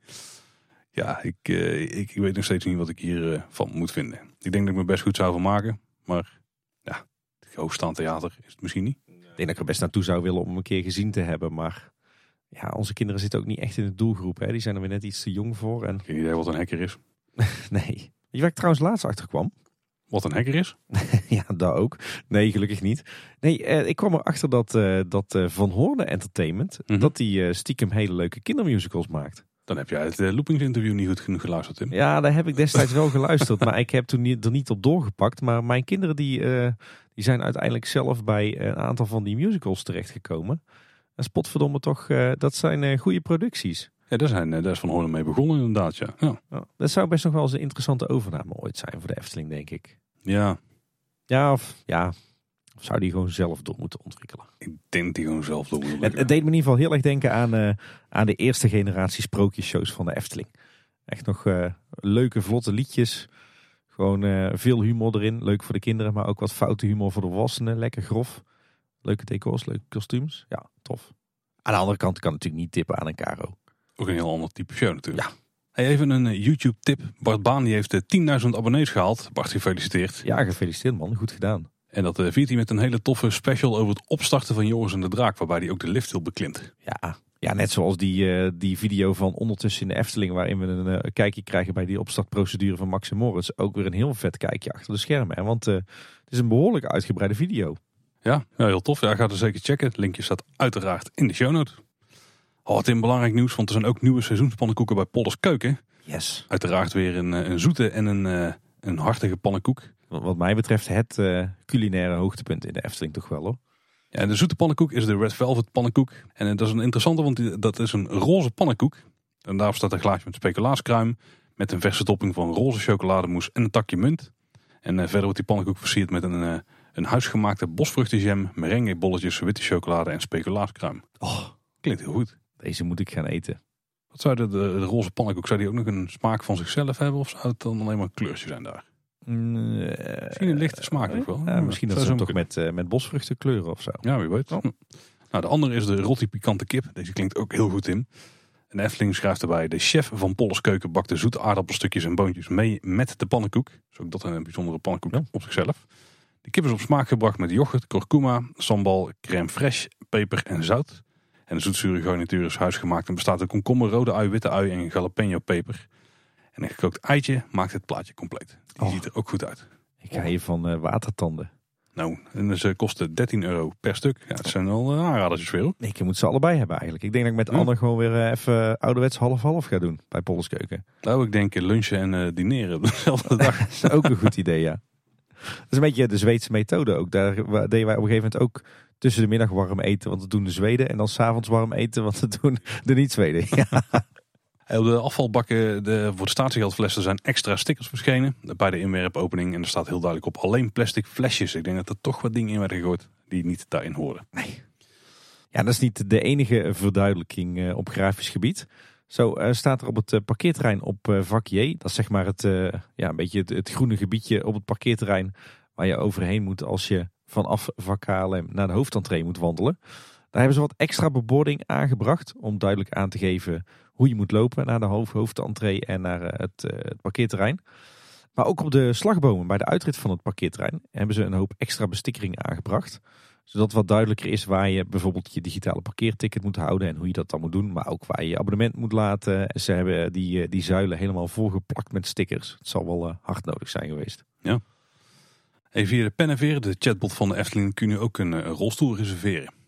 Vreekzendig. Ja, en in het Witte Paard wordt een uh, momenteel enquête gehouden. Uh, wat je van het Witte Paard vindt. Met van die uh, ja, zuiltjes met tabletjes erop eigenlijk. Hè? En jaarlijks leegt de Efteling natuurlijk de Wensbron. Wat natuurlijk de bekendste fontein is om geld in te gooien. De opbrengst wordt dan gedoneerd aan Save the Children. Zo, aan Save the Children. En dit keer was de opbrengst 7.643 euro en 63 cent. was de 35e keer dat de Wensbron werd geleegd. En een groot kapje die reikte de cheque uit. Maar het is niet de enige plek waar ze muntgeld uit een stuk water hebben gehaald. Hebben ze namelijk ook bij Fata Morgana gedaan. Daar komt 1245 euro en 4 cent uit. En die is geschonken aan het Nationaal MS-fonds. Ja. Een vrij bijzondere actie, ook zeker voor de Efteling. Op 24 oktober kregen namelijk de mensen op het parkeerterrein te maken met Lekker op weg. Dat was een initiatief van het ministerie van Infrastructuur. Waarbij je gratis je bandenopspanning kon laten zetten op het parkeerterrein. Ja, ja. Dat is echt iets wat ik bij de Efteling, uh, wat ik met de Efteling associeer. Er was, uh, was weinig interesse voor onderbezoekers. Die hadden allemaal zoiets van, ja, hallo, ik wil gewoon dat park in. Ja, loop maar gewoon langs mijn auto en zet ze op spanning. Kan mij uitboeien. Ja. ja. Ja, bekend is geworden dat uh, op zondag 13 februari volgend jaar, dus 2022, een ING-dag plaatsvindt in de Efteling. Je kunt dan voor 22,50 eh, per persoon het park in en parkeren is gratis. Ik neem aan dat je dan wel ING-lid moet zijn. Denk het wel. Postbank. Oh, dat is al heel lang geleden, Tim. Ja, weet het, ik ben een nostalgicus hè. Dus dan gaat de tijd van het café-restaurant. Ja. Eh, De omroep op perron van station De Oost is aangepast. Daar werd de sluitingstijd omgeroepen, maar nu verwijzen ze daarvoor gewoon naar de Efteling-app. Ook een update in de Efteling Kids-app. Het luisterverhaal van Max en Moritz is toegevoegd. Die eh, blijft populair trouwens, die eh, Ja. app hier. Ja, en ik eh, spotte nog een leuk detail in de gelachkamer in het Efteling Hotel. Waar ik laatst nog even ben wezen borrelen met de bruine fruitschal erbij. Want wat blijkt, er zijn een heleboel piekmuisjes verstopt in de gelachkamer. Als er een plek is waar dat moet kunnen, dan is het daar natuurlijk. In het hotel waar ze toch al veelvuldig te vinden. Ja, tof. Heel tof. Ja, en dan weer een, eh, ja, een blogbericht. De Efteling die eh, prijkte met de voordelen van een regenachtige dag in de Efteling. Nou, ja, ga het artikel lezen. Maar wat je veel beter kunt doen is even een paar eh, oordopjes zoeken. Ah, die heb je natuurlijk waarschijnlijk al in. Ja. Dus nadat deze aflevering is afgelopen en je wil die tips ook weten, luister daarvoor gewoon naar aflevering 25 van Kleine Boodschap namelijk. Dat zijn eh, onze tips voor een regenachtige dag in de Efteling. Net wat uitgebreider. Dan nog wat nieuws bij eh, de smaakmaker. De worstenkar op eh, het Harthof, om het maar even oneerbiedig eh, te zeggen. Daar heb je naast eh, de gewone rookworst en een vega rookworst nu ook een kiprookworst. Kijk, Het gaat om een eh, pilot en als het eh, aanslaat dan blijft het. En je hebt daar dat maak je smaak concept hè, waar je voor eh, 6,90 euro inclusief frisdrank eigenlijk je broodje worst kan samenstellen. Hè, met allerlei verschillende soorten sauzen en toppings, maar dus ook verschillende worsten. En, en ze hebben recent daar ook een nieuw bord aangebracht, wat dat nog net wat meer moet aanprijzen. Ja, en dan nog een klein stukje onzinnige ophef. Eh Wagen Gijs die eh, spreekt namelijk een, een tekst uit. Dat doet hij al jaren. Ja. Het is een beetje slecht Engels. Maar er werd eh, verkeerd opgevat en het ging enigszins viral. Want mensen die hoorden daar ongepaste woorden in. Tim, wat zegt hij? Wagen Gijs die spreekt niet, niet zo heel goed over de grens. Maar die probeert op een gegeven moment thanks te te zeggen in het Engels. Maar hij zegt thanks, thanks. En dat is niet zomaar iemand die dat zegt. Dat is natuurlijk Wagen. Maar het is de illustre Peter Reinders die die tekst uitspreekt. Ehm, alleen eh, er waren wat bezoekers of Efteling-liefhebbers of zo... die op Twitter enigszins verontwaardigd reageerden dat hij seks zou zeggen. Wat natuurlijk net wat anders is dan thanks. Eh, en daardoor kwam er een klein beetje een storm in een glas water. Want er kwam een artikel op Loopings. Nou, natuurlijk binnen een half uur een artikel op Omroep Brabant. Want ja, dat is een beetje de copy-paste site van Loopings toch eh, tegenwoordig. Ja, een hoop op, opheffen over dat uh, Hollebol Gijs seks zou zeggen. Eh, maar gelukkig was daar eh, Steven van Geels als woordvoerder van de Efteling. Die het wegwuifde en die ook duidelijk aangaf dat hij eh, wel degelijk iets anders zegt. En ik kreeg niet de indruk dat ze nou eh, de geluidsband van Wagengijs gaan aanpassen. Nee, dat denk ik ook niet. En dat moet ook niet, hè. Is cultureel erfgoed, hè, Peter Reiners. Verder konden we de vorige keer al berichten dat er eh, twee nieuwe witte zwanen in de Efteling zouden zijn op de Siervijver. Inmiddels zijn er ook twee gespot eh, bij Aquanura. Dus het eh, lijkt dat er eh, twee koppeltjes witte zwanen in de Efteling zijn. Ja, dan wat merchandise nieuws nog. Er zijn nieuwe sokken verkrijgbaar. Die zijn grijs met Efteling Ace en rood met paddenstoeltjes. Dus verschillende varianten. Ja. En de oude wintertruien, die hebben ze nog een paar gevonden ergens in een doos op zolder denk ik. Die zijn ook weer te koop. Dat zijn die met zo'n ja, klassieke winterachtige, ja, zo'n hele foute, dat is een beetje die foute kerstrui uitvoering variant. Ik heb er ook eentje, die ga ik eh, straks eh, half december ook weer volop dragen naar kantoor. Kijken wie eh, de referenties allemaal snapt. Ja.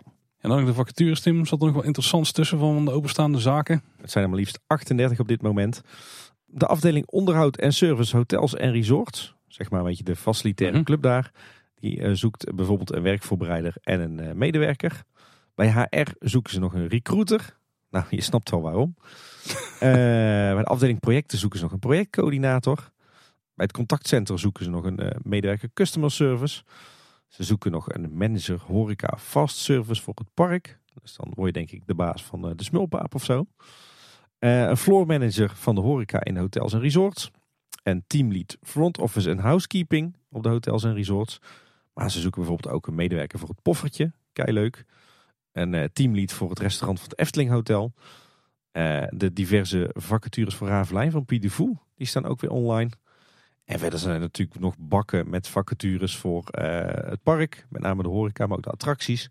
En ook heel veel horeca vacatures voor de hotels en resorts. En ook volop bijbanen en meewerkstages. Zo zag ik meewerkstages bij communicatie, bij de afdeling elektrotechniek, bij de front office van de hotels en resorts, bij het eh, Efteling Contact Center, maar bij finance. Dus eh, mocht je een stage zoeken of een bijbaantje of een eh, vaste baan, dan eh, kan je je lol op op de vacaturesite van de Efteling.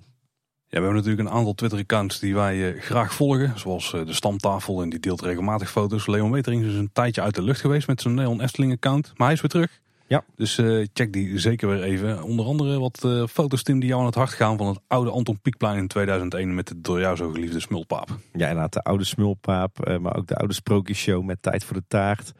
De apenmolen nog achter de smulpaap. Maar ik zag ook hele toffe foto's van de smaakmaker. Het, eh, het, het oude restaurant achter de Efteldingen waar je toen nog kippetjes kon kopen. Dus ja, heel veel toffe foto's inderdaad uit de begin jaren 2000. Heb ik jou ook gespot? En vraag me af op welke foto, Paul. Al luiken openend bij de smulpaap? Die vraag heb ik van meer mensen gekregen, maar dat kan niet, want dit was in 2001. En toen was ik 15 en toen werkte ik nog niet bij de smulpaap. Oeh, was ook niet illegaal. Nee, dat was net een jaar later. Maar het grappige is wel dat ik eh, het, eh, al deze foto's kan, goed kan herinneren. Want volgens mij eh, stond ik 9 van de 10 gevallen daarnaast toen ze gemaakt werden. dus eh, jeugdsentiment. En verder nog een eh, toffe fancreatie. Een Duitse liefhebber die is bezig met een miniatuurversie van het meisje met de zwavelstokjes. En dat doet hij met behulp van eh, het Luviel miniatuurtje. Maar dan wel met lampjes en er wordt een heel showtje dadelijk volgens mij gemaakt. Ziet er heel cool uit. Ja, Er heel tof. staat een, een update op Twitter. Linkje daarvan vind je uiteraard in de show notes. En dan in de buurt van Efteling Team is er nog in de periferie iets gebeurd. Ja, ja, goed nieuws, want eh, de F261, de fietssnelweg, die heeft eindelijk een eigen lemma op eh Eftepedia. Oh, dan is het daarmee echt officieel. Precies. Hey, we hadden het de vorige keer al over eh, het kopen van een huis eh, tegenover de Efteling. Nou, mocht je misgegrepen hebben op dat huis aan de heikant, dan zou ik zeggen, niet alle hoop is verloren. Want er kwam deze week naar buiten dat het Hoefijzer, een heel groot kantorenpand, echt recht tegenover de Efteling. René Merkelbach heeft daar een tijdje zijn studio in gehad. Hallo Kids Radio zit daar eh, nu nog steeds in. En de Efteling heeft daar zelf overigens ook een keer, ook een tijd, eh, heel veel kantoorruimtes gehuurd. Eh, maar een groot deel van het kantorenpand staat inmiddels leeg. En er zijn nu concrete plannen om de eerste en de tweede verdieping van het, het hoefijzer te verbouwen naar appartementen. Nou, als je het goed uitmikt, dan kun je dus in de oude studio van René Merkelbach gaan wonen. Ja. En dan kun je dus op de plek gaan wonen waar muziek is opgenomen voor onder andere de Baron bijvoorbeeld. Ravelijn. Oh ja, Ravelijn is er ook wel gemaakt. Ja, het is niet allemaal erop genomen natuurlijk, maar daar is het gemaakt. Ja. Ja, geschreven. Vet. Ja. En sowieso heb je dan, eh, als je uit het raam kijkt, kijk je recht op het huis van de Vijf Zintuigen. Ja, zeker. Eh, dan, ja, de, de erfgenamen van Anton Pieck, die, eh, die zullen wel weer jeuk krijgen.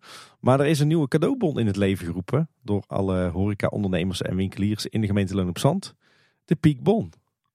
En die is er in allerlei varianten. Het is eigenlijk gewoon een cadeaubon die je kunt uitgeven in de Kaatsheuvel, Loon op Zand en de Moer. Eh, je hebt er eentje van 5 piek, eentje van 10 piek, eentje van 20 piek en eentje van 50 piek. En, eh, en een leuk detail, piek is daarbij natuurlijk geschreven met CK op het eind. Dit moet toch ooit iemand eerder hebben bedacht. Dat is een stukje dus vrij geniaal. Dat je het 5 piek, 10 piek, et cetera noemt. Ik vraag me ook af of het zeg maar 5 euro waard is dan een 5 piek of 5 gulden.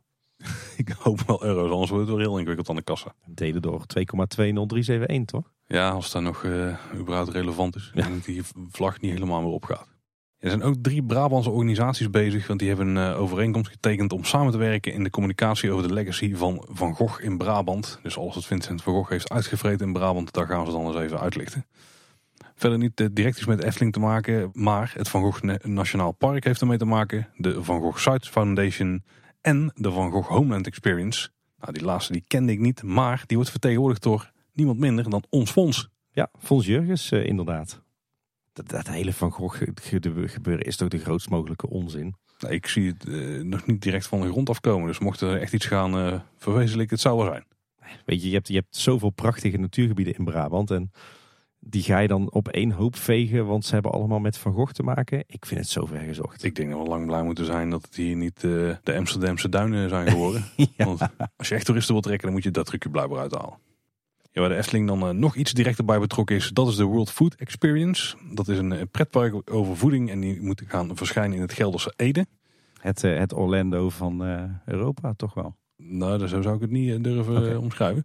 Er wordt een thema-attractie en die moet eind 2023 open gaan. En de bezoekers ontdekken dat er een, een hele wereld achter een etensschel gaat. Dat heeft ook wel raakvlakken met dat Taste of Europe concept. Wat een paar, ja, ik wou zeggen luisteraars, maar wat een paar knappe koppen hebben samengesteld. En waar ze die prijs mee begonnen, waar het laatst over hadden. Misschien moet eh, dat eh, die World Food Experience maar gewoon de Dus even gaan Taste of. Europe gaan eh, adopteren. Ja. Ja.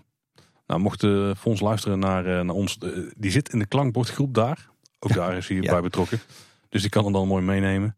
De Efteling zegt er in ieder geval over dat ze het mooi vinden dat ze hun expertise kunnen delen die ze hebben in het creëren van belevingswerelden. Zo dragen ze eraan bij dat het World Food Center Experience niet alleen informatief, maar ook attractief wordt. Fonds werkt eh, veel buiten de deur de laatste tijd lijkt het wel. Zou dit ook weer een puntje gaan opleveren voor de Gouden Bol? Je bedoelt die geruchten dat Fonds op termijn bij de Efteling weg zou gaan. Ja, ik weet niet of het echt geruchten zijn. Het waren denk ik meer ideeën die liefhebbers hadden. Maar er zit, er zit wel iets achter. En als je dit soort dingen hoort, ja, dan lijkt het misschien wel die kant op te gaan. Tim, even kijken hoor. Uh, draaiboek, we hebben onderuit gehad, we hebben kort nieuws gehad. We hebben in de periferie gehad. Hey, en dan nog dit. En dan nog dit. Jij bent op vakantie geweest uh, naar België, vertelde je net. Ja, zeker. Dat was een, een, prima vakantie met de camper weer op pad geweest. Dus we hebben een vrij groot deel van eh, België weer kunnen zien. Uh, begon in de Ardennen. Daar kreeg bij een, een, grote dam ook echt een enorm standbeeld van een leeuw uh, stond. Ik ben de naam even kwijt. De Gileppe dam, of ik heb geen idee. Het is bij een stuurmeer in ieder geval. Maar er stond ook een enorme grote toren, weet je wel, van 70, ja. 75 meter hoog. Daar kon je met de lift gewoon gratis boven, zat boven een restaurant. Kon je mooi uh, over de omgeving heen kijken. Echt on-Belgisch vond ik, vond ik het. Of on-Nederlands misschien Dat is goed onderhouden dan. Ja, daar ook nog eens ja. Het wegdek daar op het parkeerterrein was heel goed. Vooral daar. Laten we het daar ook nog even over hebben nou, door, een chic bosgebied uh, gelopen met een uh, onuitspreekbare naam. Ninglispo of zo. Nou, ik weet niet hoe ze erbij komen. Maar was ook heel mooi. Langs een riviertje een beetje wandelen, weet je wel. Uh, vrij avontuurlijk. naar het circuit van Spa, Francorchamps geweest. Was ook vrij interessant. Er waren ook races bezig op het moment dat we er waren. Dat maakt natuurlijk wel leuk. Maar dan kun je gewoon door de pitstraat, of niet, niet door de pitstraat zelf, maar over het gebouw daar langs lopen. Waar alle de boxen waar ze allemaal aan, aan het sleutelen zijn. Dan kon je gewoon op en zo, denk ik. Tenminste, wij deden het gewoon. Ik zag jou al met, met de camper in de pitstraat rijden. Maar dat was geen succes geweest, denk ik. Uh, naar uh, Montbedi geweest. Een leuk stadje. Naar, uh, nou, toen naar wat bekendere plekken. De watervallen van Co. Wat, ah, waar echt gewoon de ingang van Plopsaland daar vlak naast zit. Daar zijn we dan niet geweest bij Plopsa. volgens mij niet een heel spectaculair parkje daar. Ja, je ziet daar de enige interessante achtbaan zie je vrij opzichtig staan. Die, die ziet er dan niet zo heel spannend uit als die rondgaat. Maar we hadden niet zo heel veel tijd, want we zijn volgens mij dezelfde dag nog naar de Grotten van Han gereden. Ook een vrij indrukwekkende attractie. Heel tof om daar doorheen te showen. Er zitten ook echt enorm grote ja, ruimtes zeg maar, in. Ook met lichtshow en zo. Een, soort uh, projectie uh, Aquanura wannabe. Zonder fonteinen dan. Die ze daar uh, hielden. Heel tof. En toen doorgereden, Tim, naar een plek waar jij recent ook geweest bent. Ja. Paradise, Wat zeg je, Paul? Ik zeg het gewoon zoals ik uh, nog steeds uh, denk te moeten uitspreken. Paradise, de ja, mooiste dierentuin van Europa. En ik uh, kan bevestigen, dat klopt wel, ja. Nou, nou moet ik het misschien even anders zeggen. Ze noemen zichzelf ook een wereldtuin. Ja. Ik denk dat dat misschien ook een betere manier is om er naar te kijken. Want ze, ze hebben daar gewoon echt delen van de wereld heel mooi nagebouwd. En je loopt soms gewoon, zal het zijn, een kwartier rond zonder een, dier te zien, bij wijze van spreken. Ja, misschien hooguit de vis of zo, of, een mus die even langs komt vliegen. Maar ja, het is echt een, een, schitterende tuin. Laten we het daar gewoon op houden. Voor het dierentuinaspect, uh, daar zijn we sowieso wel iets minder van. Maar de gebieden waar je erheen loopt zijn echt uh, super mooi vormgegeven. Steek nog, die zijn vaak veel mooier dan de dierenverblijven. Die dan misschien een beetje ja, achterstallig zijn op sommige ja. punten ten opzichte van de, van de omgeving die ze hebben gecreëerd. Zeker de wat nieuwere omgevingen. Snap wat je bedoelt. Wij hadden drie dagen nodig om die tuin rond te komen. Jullie uh, snel er doorheen gegaan? Ja, we hebben het wel in vrij hoog tempo gedaan. Ik denk dat we er uiteindelijk, uh, dat ons een anderhalve dag, dat we dan echt de tijd ervoor hadden genomen voor ons. Uh, nogmaals, om te dieren vinden we iets minder spannend als van, uh, oh ja, er staat een dier. En dan gaan we weer verder. Ja, ja dat gaat bij ons ietsje anders, ja. Maar de omgeving zelf, daar had ik nog wel iets meer uit kunnen halen, denk ik. We hebben ook echt niet alle hoeken en gaten gezien. Een paar kleine dingen wel gemist.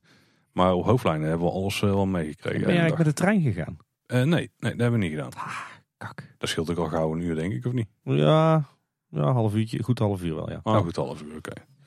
Plus wachten en zo. Ja. Maar in ieder geval heel tof park. Absoluut een aanrader. Uh, er komt nog een buitenwereld aan waar Tim daar veel meer over gaat vertellen. maar ik ben er niet toegekomen aan het editen daarvan. ja, dan moet je het even verduidelijken. Maar wij hebben inderdaad een, uh, al een aflevering van de buitenwereld opgenomen over onze zomervakantie. En daar ben jij uh, heel uitgebreid ingegaan op Paradise. Dus als je er alles over wil weten, check dan zeker die aflevering. En om de, de, de boekhouding goed te houden, er komt dus ook nog een buitenwereld over onze herfstvakantie. Ja, ja tenminste, die zal van mijn kant uit wat korter worden. Maar ik denk dat jij een hoop avonturen hebt beleefd. Ja. Um, uiteindelijk zijn we vanaf, vanuit Paradise doorgereden naar de Belgische kust. En of dat het dan de oostkust, westkust, noordkust, weet ik veel. Die ligt blijkbaar ook aan alle kanten van het land. Als je de experts mag geloven. Ik geloof er nog steeds geen zak van. Uh, voor, voor, mij is dat gewoon de westkust, maar goed. Ja, de, de, volgens mij de enige de, kust. Is het de windroos ook die dat, die dat vertelt. Maar je zou, nog, je zou nog een case kunnen maken dat er een heel klein stukje noordkust is. Maar ja. het ligt wel hoofdzakelijk in het westen van het land. Bij de Haan, nou, over het strand heen gesjouwd. Daar nog een dagje gaan zwemmen bij de Centerpark die daar ligt. En uiteindelijk nog naar Gent geweest. Wat, uh, er waren al een paar keer geweest. Maar uh, we waren geïnspireerd geraakt in door de Vlaamse Kunstroof. Een podcast over het Lam Gods. Wat in de Sint-Baaskathedraal hangt. En waarvan een paneel is gestolen. Twee panelen. Eentje teruggevonden ooit. Maar die andere is nog steeds een mysterie waar die is gebleven. Er hangt wel een replica nu. dus we moesten even gaan kijken hoe dat ding eruit zag. Want wij dachten die ooit wel gezien te hebben. Maar zoals ze omschreven in die podcast hoe die eruit zag, dat was niet helemaal waar ervan mee hebben gekregen. Bleek ook dat wij het replica hadden gezien wat gewoon foto's waren van de panelen die ze in een uh, zijgalerijtje hadden opgehangen. Uh, want je moet nou gewoon tickets halen. Dus het is ook wel een soort thema experience trouwens om, uh, om daar naartoe te gaan tegenwoordig. Want er is een heel stuk aangebouwd, vrij modern, waar je dan met tijdsloten een reservering kunt maken om te gaan kijken. En dan ligt het iets indrukwekkender opgesteld of staat iets indrukwekkender opgesteld dan die replica die daar ooit door ons aanschouwd is. En het was wel uh, ja, vrij indrukwekkend. Ja. Heel tof. Goed. Ja, wel tof dat je door, dankzij een podcast besluit om zo'n plek te bezoeken. Ja, en de kinderen vonden het ook heel interessant. Zeker omdat er een heel interessant verhaal achter zit natuurlijk met, het, uh, met de diefstal en zo. Dus uh, nou, hele goede vakantie gehad, mooie dingen gezien. En ik denk dat de moraal van het verhaal wel weer is dat je echt niet ver weg hoeft om hele mooie dingen te zien. Want weet je wel, het idee wat je wel zet als je naar het buitenland gaat, dan is het natuurlijk makkelijk om de highlights te pakken. En die zijn vaak groots, indrukwekkend en zo. En die dingen heb je dus ook allemaal in België. Dus ook voor de Belgische luisteraars. Ga zeker een aantal van die dingen bezoeken. Echt, uh, echt de moeite waard. Brugge is ook heel mooi. Leuven is ook heel mooi. Ja, zeker, is ook heel mooi. Antwerpen. Brugge is denk ik wel de mooiste stad in België wat mij betreft. Maar Leuven is ook wel echt een pareltje. Hoor. Ja, maar Brugge heeft toch wel veel meer charme. Uh, met, met die... Ja, nee, Brugge. Nee, Brugge. Zoals Mechelen is nog wel mooi. Mechelen ken ik niet zo goed. Nee. Nou ja, ja, de, voer voor een andere podcast. België, ik hou van jullie als volk, maar uh, non de wegdek, daar gaat echt helemaal nergens over. Vooral in uh, Wallonië trouwens. In Vlaanderen lijkt het al stukken beter te zijn dan vroeger. Zodra je bij Maastricht de grens over gaat, nou, uh, als er ergens een bordje staat, route degradé, dan uh, kun je jezelf uh, met, twee handen vasthouden aan alle objecten. En uh, alvast wel voorwerpen vastsnoeren met wat spanbanden. Want oh, alles vliegt alle kanten op, jongen. Dat gaat echt nergens over. Heeft jullie camper het overleefd? Nou, dat weet ik niet. Maar ik denk dat hij wel even onderuit moet doen. En dat de schokdempers moeten laten vervangen. Ik heb geen idee. Maar nee, ik denk dat ze ooit in België een, een partij of zo daar een soort alleenrecht hebben gegeven om de wegen aan te leggen. En dat er een van de meest kapitaalfouten is geweest die ze hebben gemaakt daar. Want ik weet niet wat daar is gebeurd. Maar dat is ja, nee. Het heeft allemaal te maken met onderhoud, Paul. Onderhoud, onderhoud, onderhoud. Zoals alles in het leven. ja, daar zit de kern van waarheid in, maar ik ga hem je niet geven. Nee. Maar ondanks dat het wegdek zo slecht was, qua natuur en zo, is Wallonië wel veel indrukwekkender dan, uh, dan Vlaanderen. Dus uh, ja. nou, alle twee kanten van het land, die, uh, die hebben een charme. Nou, een mooie herontdekking van België dan voor jou deze ja. herfstvakantie. Ja, al veel steden al gezien, maar de Ardennen ook wel vaak geweest, maar dan meer voor de activiteiten. En nu zijn we echt voor de natuur gaan kijken. En uh, nou, dat is echt de moeite. En dan wil ik hier in uh, een volgende aflevering van de buitenwereld echt nog meer van weten, Paul. Ik ga er meer over vertellen, Tim. En nog verder nog uh, opvallende en dan nog ditjes? Nou ja, zeker. Want er is een nieuwe video uitgekomen van Team Park Science. En dit keer gaat hij over het Madhouse concept. En dat leggen ze uit aan de hand van Houdini's illusie die in Bellewaarde staat. En dat is echt een hele toffe video geworden. Waarbij ze echt heel goed uitleggen hoe dat effect nou werkt. Zoals ook natuurlijk Villa Volta daar gebruik van maakt.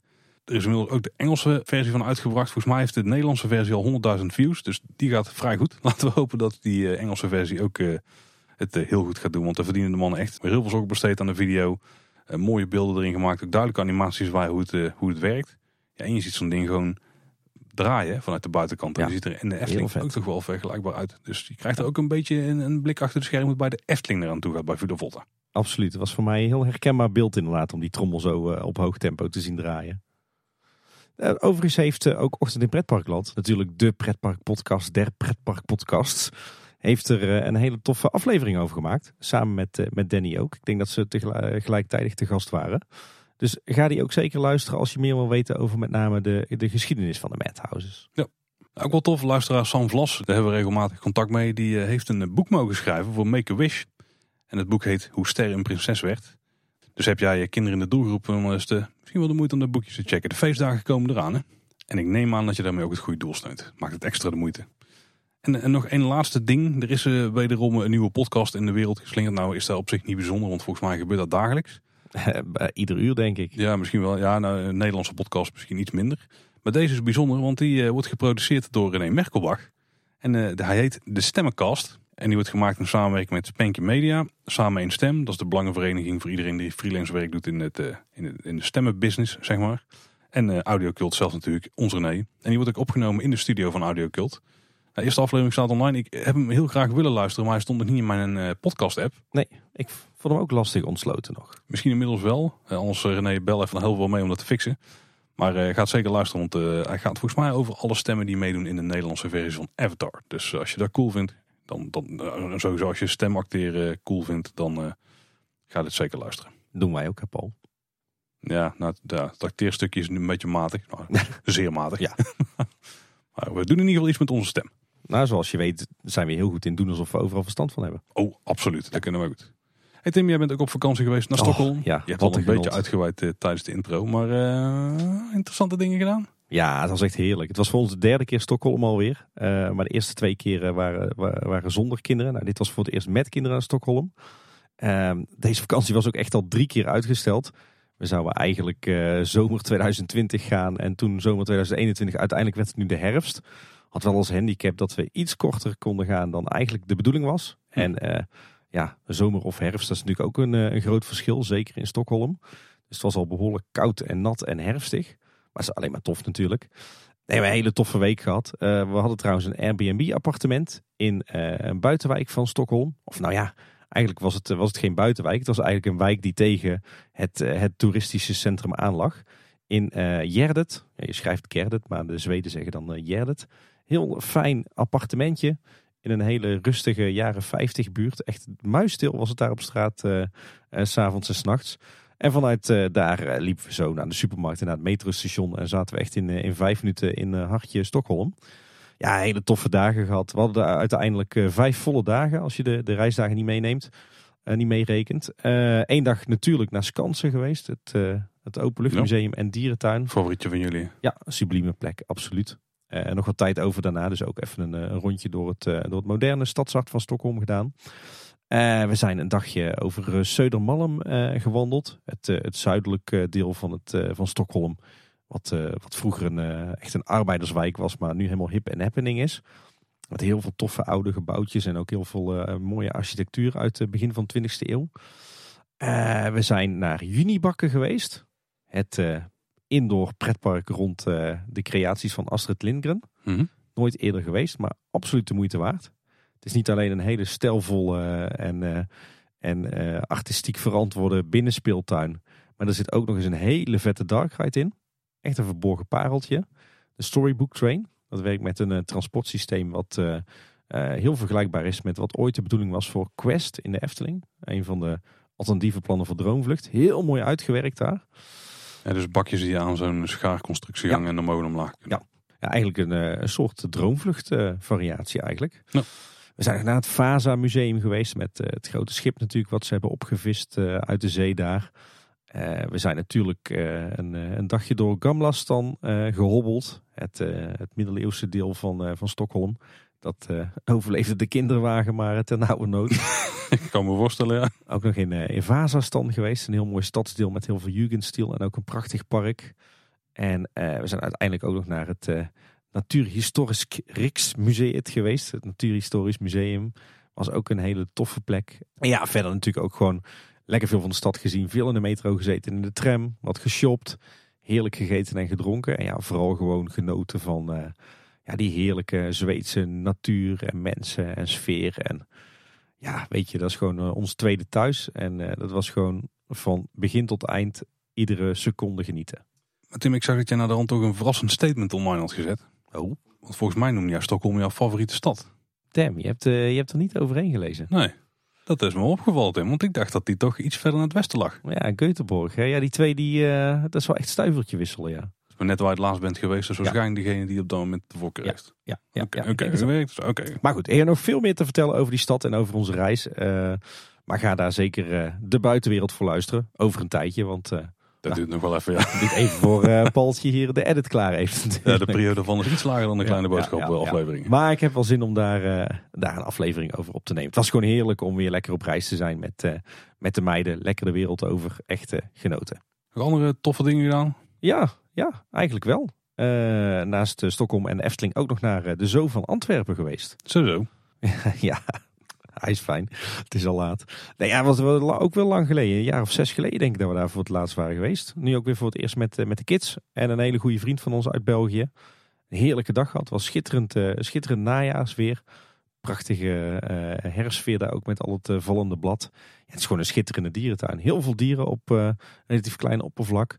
Maar natuurlijk heel veel mooie oude architectuur. Ook een hele toffe, relaxe sfeer daar. Ja, echt een, een topdag gehad. Heel veel mooie dieren, ook veel okapis daar, veel koala's. Ja, echt een uh, mooie vlindertuin, mooi aquarium. Absoluut een uh, pareltje van de stadsdierentuin. Ik kan daar echt om uh, enorm veel redenen enorm van genieten. Overigens over stadsdierentuin gesproken. We hebben natuurlijk ook nog Artis in Nederland. En ja, dan wil ik toch wel een luisteraar van ons even in het zonnetje zetten. Want Job van Tol, hij luistert ons volgens mij al sinds, sinds het begin van onze podcast. Af en toe dan reageert hij ook. Uh, maar die is een beetje, ja, om het in goed Nederlands te zeggen, living the dream. Want die blijkt oppasser te zijn in Artis. Natuurlijk echt heel, heel vet. Meteen jaloers op hem. Wat is nou het leukste? Eh, het leuke, hij heeft eh, recent ook een boek geschreven. Het boek heet De Oppasser. En het gaat eigenlijk over de historie van Artis. Maar dan aan de hand van ja, zeg maar de, de, een aantal markante dierverzorgers die bij Artis hebben gewerkt. Dus de focus ligt ook echt op de relatie tussen mens en dier. Ik, uh, ik was eigenlijk al vrij zeker dat ik hem wilde kopen. En toen las ik ook nog echt, nou, echt een, een recensie van Sylvia Witteman in de Volkskrant. Nou ja, dat is natuurlijk ook niet de minste. Die was zo extreem enthousiast dat ik hem toen maar meteen gekocht heb. En inmiddels ben ik ook halverwege. En als je wat hebt met, met artis of met dierentuinen in algemene zin, ga dat boek dan echt kopen. De Oppasser, je kunt hem volgens mij kopen bij Libris. Echt een heel tof boek. En natuurlijk extra tof dat het uh, zo waar door een uh, trouwe kleine boodschapluisteraar is geschreven. En tot slot nog een klein luistertipje. Want de podcast De Weerman is weer begonnen. seizoen 3. door Peter Kuipers-Munneke en Fleur Wallenburg. Sowieso twee hele toffe mensen. Dat is een podcast die gaat over het weer. En in het derde seizoen zijn ze iedere aflevering op locatie. Op een toffe plek in Nederland, in de natuur.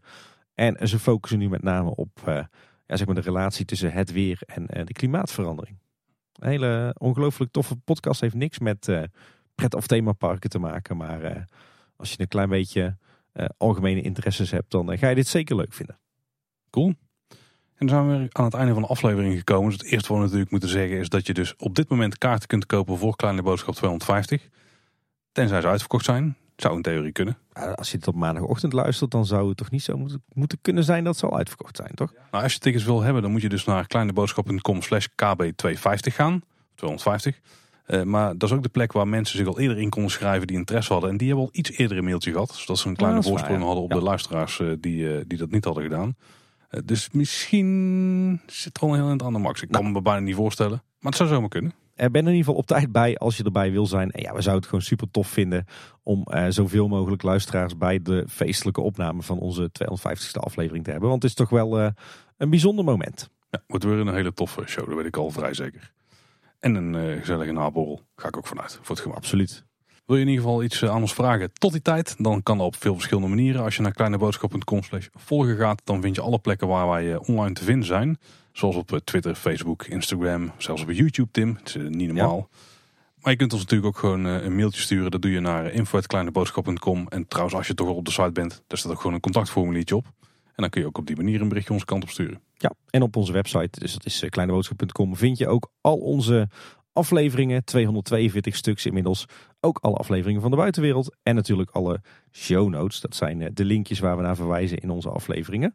Nou, als je ons nou in een podcast hebt en je bent nog niet geabonneerd, dan uh, kun je dat bij deze doen. Druk even op het abonneerknopje en dan krijg je iedere maandagochtend een nieuwe kleine boodschappen in jouw podcastfeed. Ja, en verder luister je ons ook via Spotify en via de website.